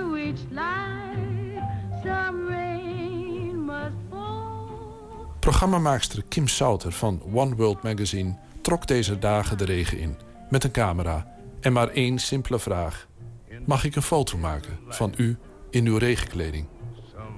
Dat bleek keer op keer een onwelkom verzoek. Too much of that stuff is falling into mine. Mensen hebben iets schichtigs als ze met hun regenpak eh, binnenkomen op werk of zo. Dan willen ze dat zo snel mogelijk uit en dan schieten ze de wc in om hun haar weer normaal te doen. Maar mensen worden liever niet gezien in een regenpak. En dat had ik het met een collega over. Die zei van, weet je nog, op de middelbare school... het meest uncoole dat je kon doen, was een regenpak aantrekken. Ik was bezig met een fotoserie om te kijken... hoe hip kleedt eh, nat Amsterdam zich eigenlijk. En eh, hoe rainproof zijn die Amsterdammers in hun kleding. En ik sprak een bouwvakker, of een uh, stratenmaker... die zat op zijn knieën in, op een nat geregende straat. Ik zei, ja, je hebt helemaal geen regenjas aan. En je, je, hebt, je, bent nat. Het zei ja, als het regent dan word je nat. eh, wat wou je daaraan doen dan? Toen zei ik, nou ja, heb je dan geen regenjas? Ja, dat ga ik echt niet aantrekken.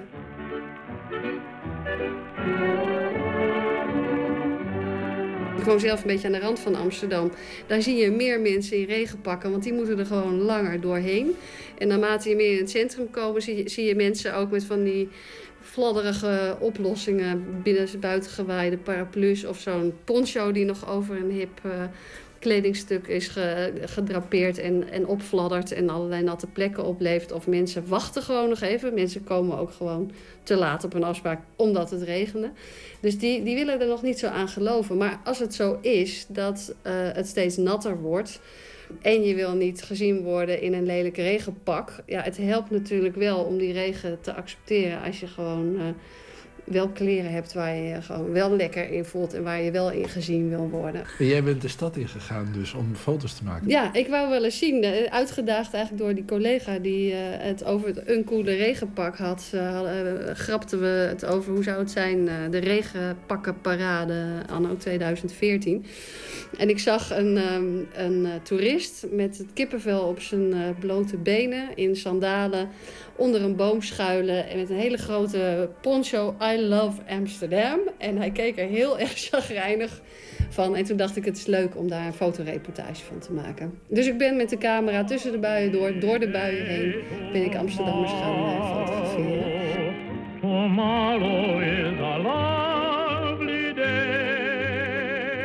En ik was ook wel verbaasd dat bijvoorbeeld mensen die buiten werken, een postbode of een stratenmaker of een verkeersregelaar, die hebben dan van die, van die buitenpakken aan met vliesmouwen en eh, fluoriserende kleuren en reflectorstrepen. Maar toen ik met ze ging praten, bleek dat dat dus absoluut niet waterdicht is. En als, ze, als het gaat regenen, dat ze daar overheen dan nog weer een ponchootje of een parapluutje moeten trekken. Wat, wat was je algehele indruk van zo'n tochtje door nat geregend Amsterdam? Nou, mensen willen niet zo graag op de foto. Want af en toe zag ik een leuk plaatje en dan achtervolgde ik iemand. En zei ik, hé hey, meneer met die gitaar. Of hé hey, mevrouw met die mooie, eh, mooie speciale laarzen. En mensen wilden niet zo graag op de foto. En als ze dan op de foto waren, dan zetten ze bijvoorbeeld hun zonnebril op.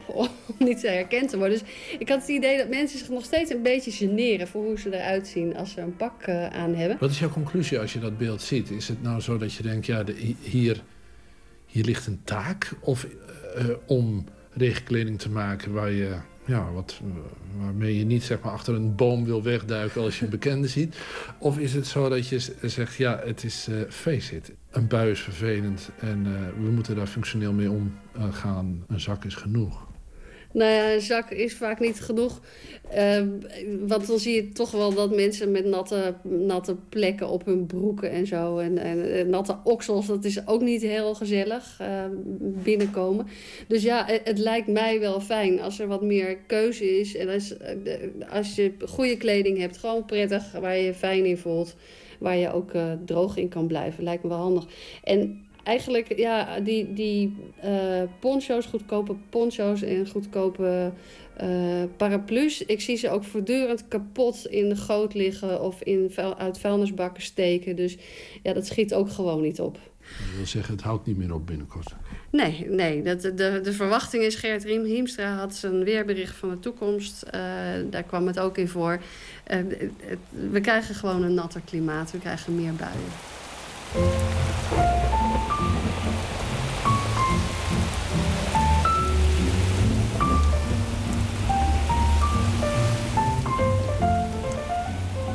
Je zou zeggen dat ons land er al heel wat eeuwen nattigheid op heeft zitten.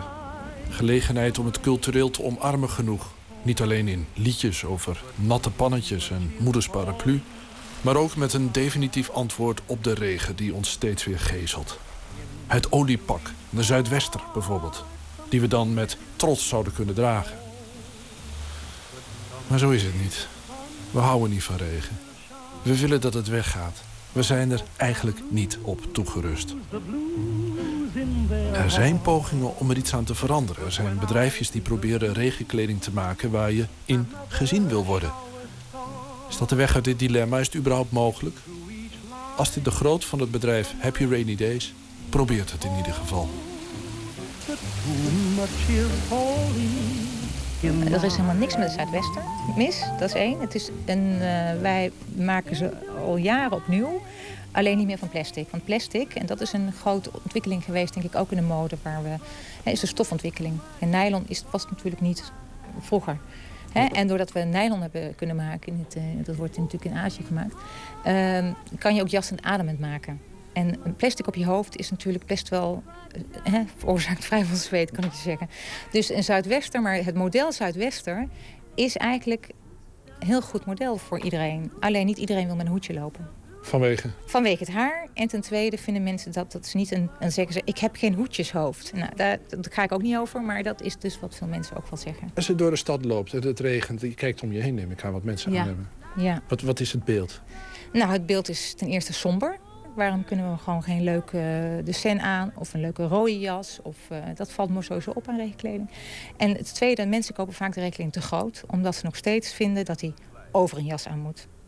Nou zeg, ik kan toch wel één goede jas kopen die leuk zit. Waarbij ik ook gewoon, als het niet regent, er leuk uitzie op het schoolplein. Waarom moet ik dan een jas over een jas? Want dat is een regenpak. Je trekt hem over je jas aan. En die stop je dan weer in je fietstas als het niet regent. Ja, is natuurlijk eigenlijk heel erg zot. En niet alleen, want de, de regenbroek, hè? De regenbroek, ja. Dat is echt, dat ziet er toch ook... Nou dat is ja, ook dat is weer onmogelijk. iets... Oh nee, ook dat is weer iets waar mensen zeggen... one size fits all, dan laat het me lekker wapperen. Wij hebben in dit geval een speciale vrouwenbroeken... die je helemaal kan... Ik laat het even zien, dat kan je het niet zien op de radio. Maar goed, die je helemaal kan ri- openritsen van boven naar beneden... waardoor ze mooier zit om de heupen. En je ze bovendien toch heel snel uit kan trekken. Want dat blijft wel belangrijk. Dat je niet met je hakken blijft hangen in die schoenen. Want je komt op je werk aan. En je hebt hakken aan. En je, wil, en je hebt een leuke broek eronder. Dus hij moet ook wel goed uit kunnen. Waardoor je niet helemaal nat ook nog bent als je hem uittrekt.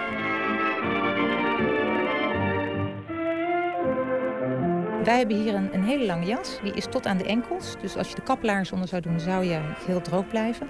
En wat hier aan zit, is een, is een, is een, wij noemen het een extra flap. Nou, die kan ik even openritsen. Dan hoor je een ritje als het goed is. Dan moet ik hier overlangs gaan. Nou. En door die flap kan je heel goed bewegen. En blijven toch, als je fietst, je benen droog. Nou, juist. En Ja. hier hoeven vrouwen dus geen broek aan. En ook als ze een rok aan hebben, toch droge benen. Want dat, is, dat is, snap ik wel. Ik, dat is mijn favoriet. Dus een echte mode iemand die wij, die wij wel eens inhuren... komt nooit met een goede praktische regenjas. Dat moet met iemand die ook praktisch inzicht heeft. Bijvoorbeeld dat als je leuke zakken maakt... dat de zakken wel op een andere manier dicht moeten en er iets overheen. Dat er geen regen door die zakken komt. Maar dat Dan kan, wil je, zeggen... dan kan je ontzettend leuke zakjes maken. Daar komen ze dan leuk mee. Wel lekker bovenin zo'n leuk zakje. Maar dan valt de regen zo in. Snap je? Dat kan het heel leuk uitzien, maar niet praktisch genoeg. Is er een catwalk voor regenkleding? Nee, nee. Waarom eigenlijk niet? Nee, weet ik ook niet. Er is wel iemand die met een cape is geëindigd, weet ik nog wel. Een herenmerk met een grote cape. Maar die was niet waterdicht. wel lekker warm.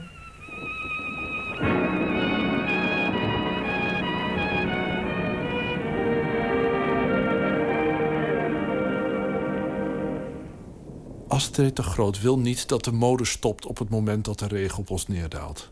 Maar ze wil dat in een land van mensen die de regen vooral op prozaïsche momenten ondergaan. Gebogen over een stuur, schuilend onder een overkapping, op tochtige bouwplaatsen. De enkeling die blijmoedig naar de kapstok grijpt als de wolken samenpakken, heeft daar meestal een jas hangen uit natte landen met een buitencultuur.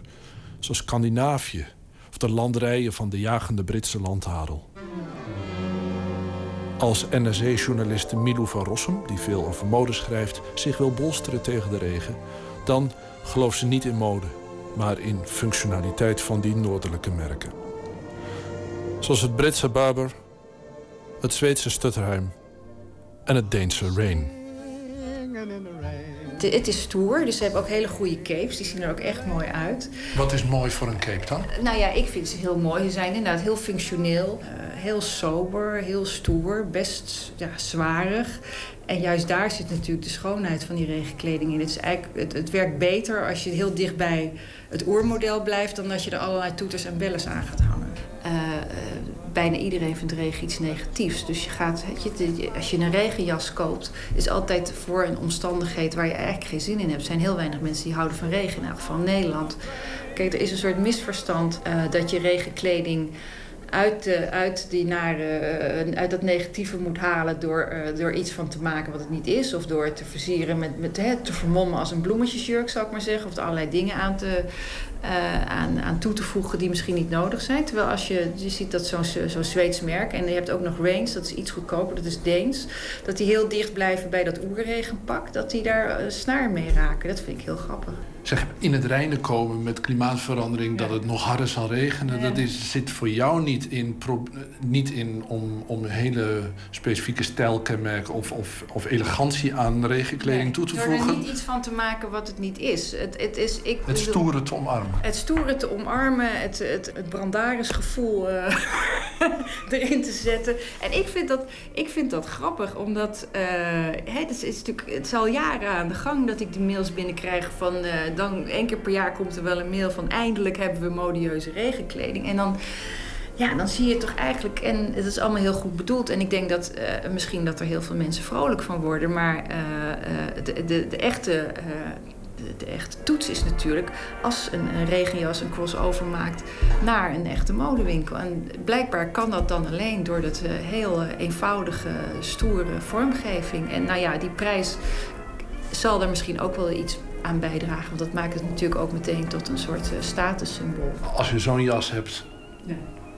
ging het maar regenen. Nou, misschien zijn ze er zo mee blij mee dat ze dat wel... Kijk, je wilt natuurlijk ook niet dat een jas van 400 euro de hele tijd je maar aangaapt en je doet hem niet aan.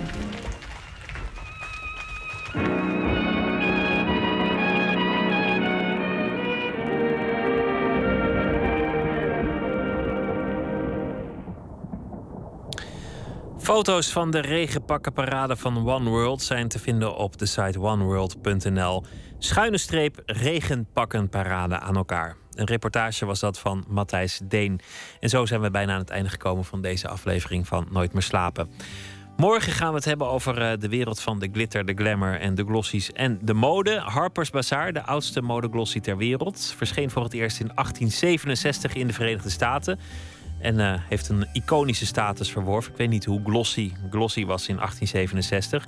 Dit najaar verschijnt voor het eerst een Nederlandse editie van het eh, blad Harper's Bazaar. Cecile Narings, voorheen hoofdredacteur van modeblad L, die gaat het leiden. En die komt morgen vertellen over wat haar plannen daar zijn en eh, wat ze allemaal bij de L heeft uitgespookt en hoe ze dat eigenlijk ziet, glamour in het regenachtige Nederland. Dat allemaal morgen in Nooit meer slapen. Twitter, VPRO NMS of via de mail nooit meer slapen, VPRO.nl. Straks op Radio 1, de nachtzuster met Astrid de Jong. Het eh, concept is bekend. Ik wens u veel plezier. Een goede nacht, morgen een leuke dag en graag weer tot morgen.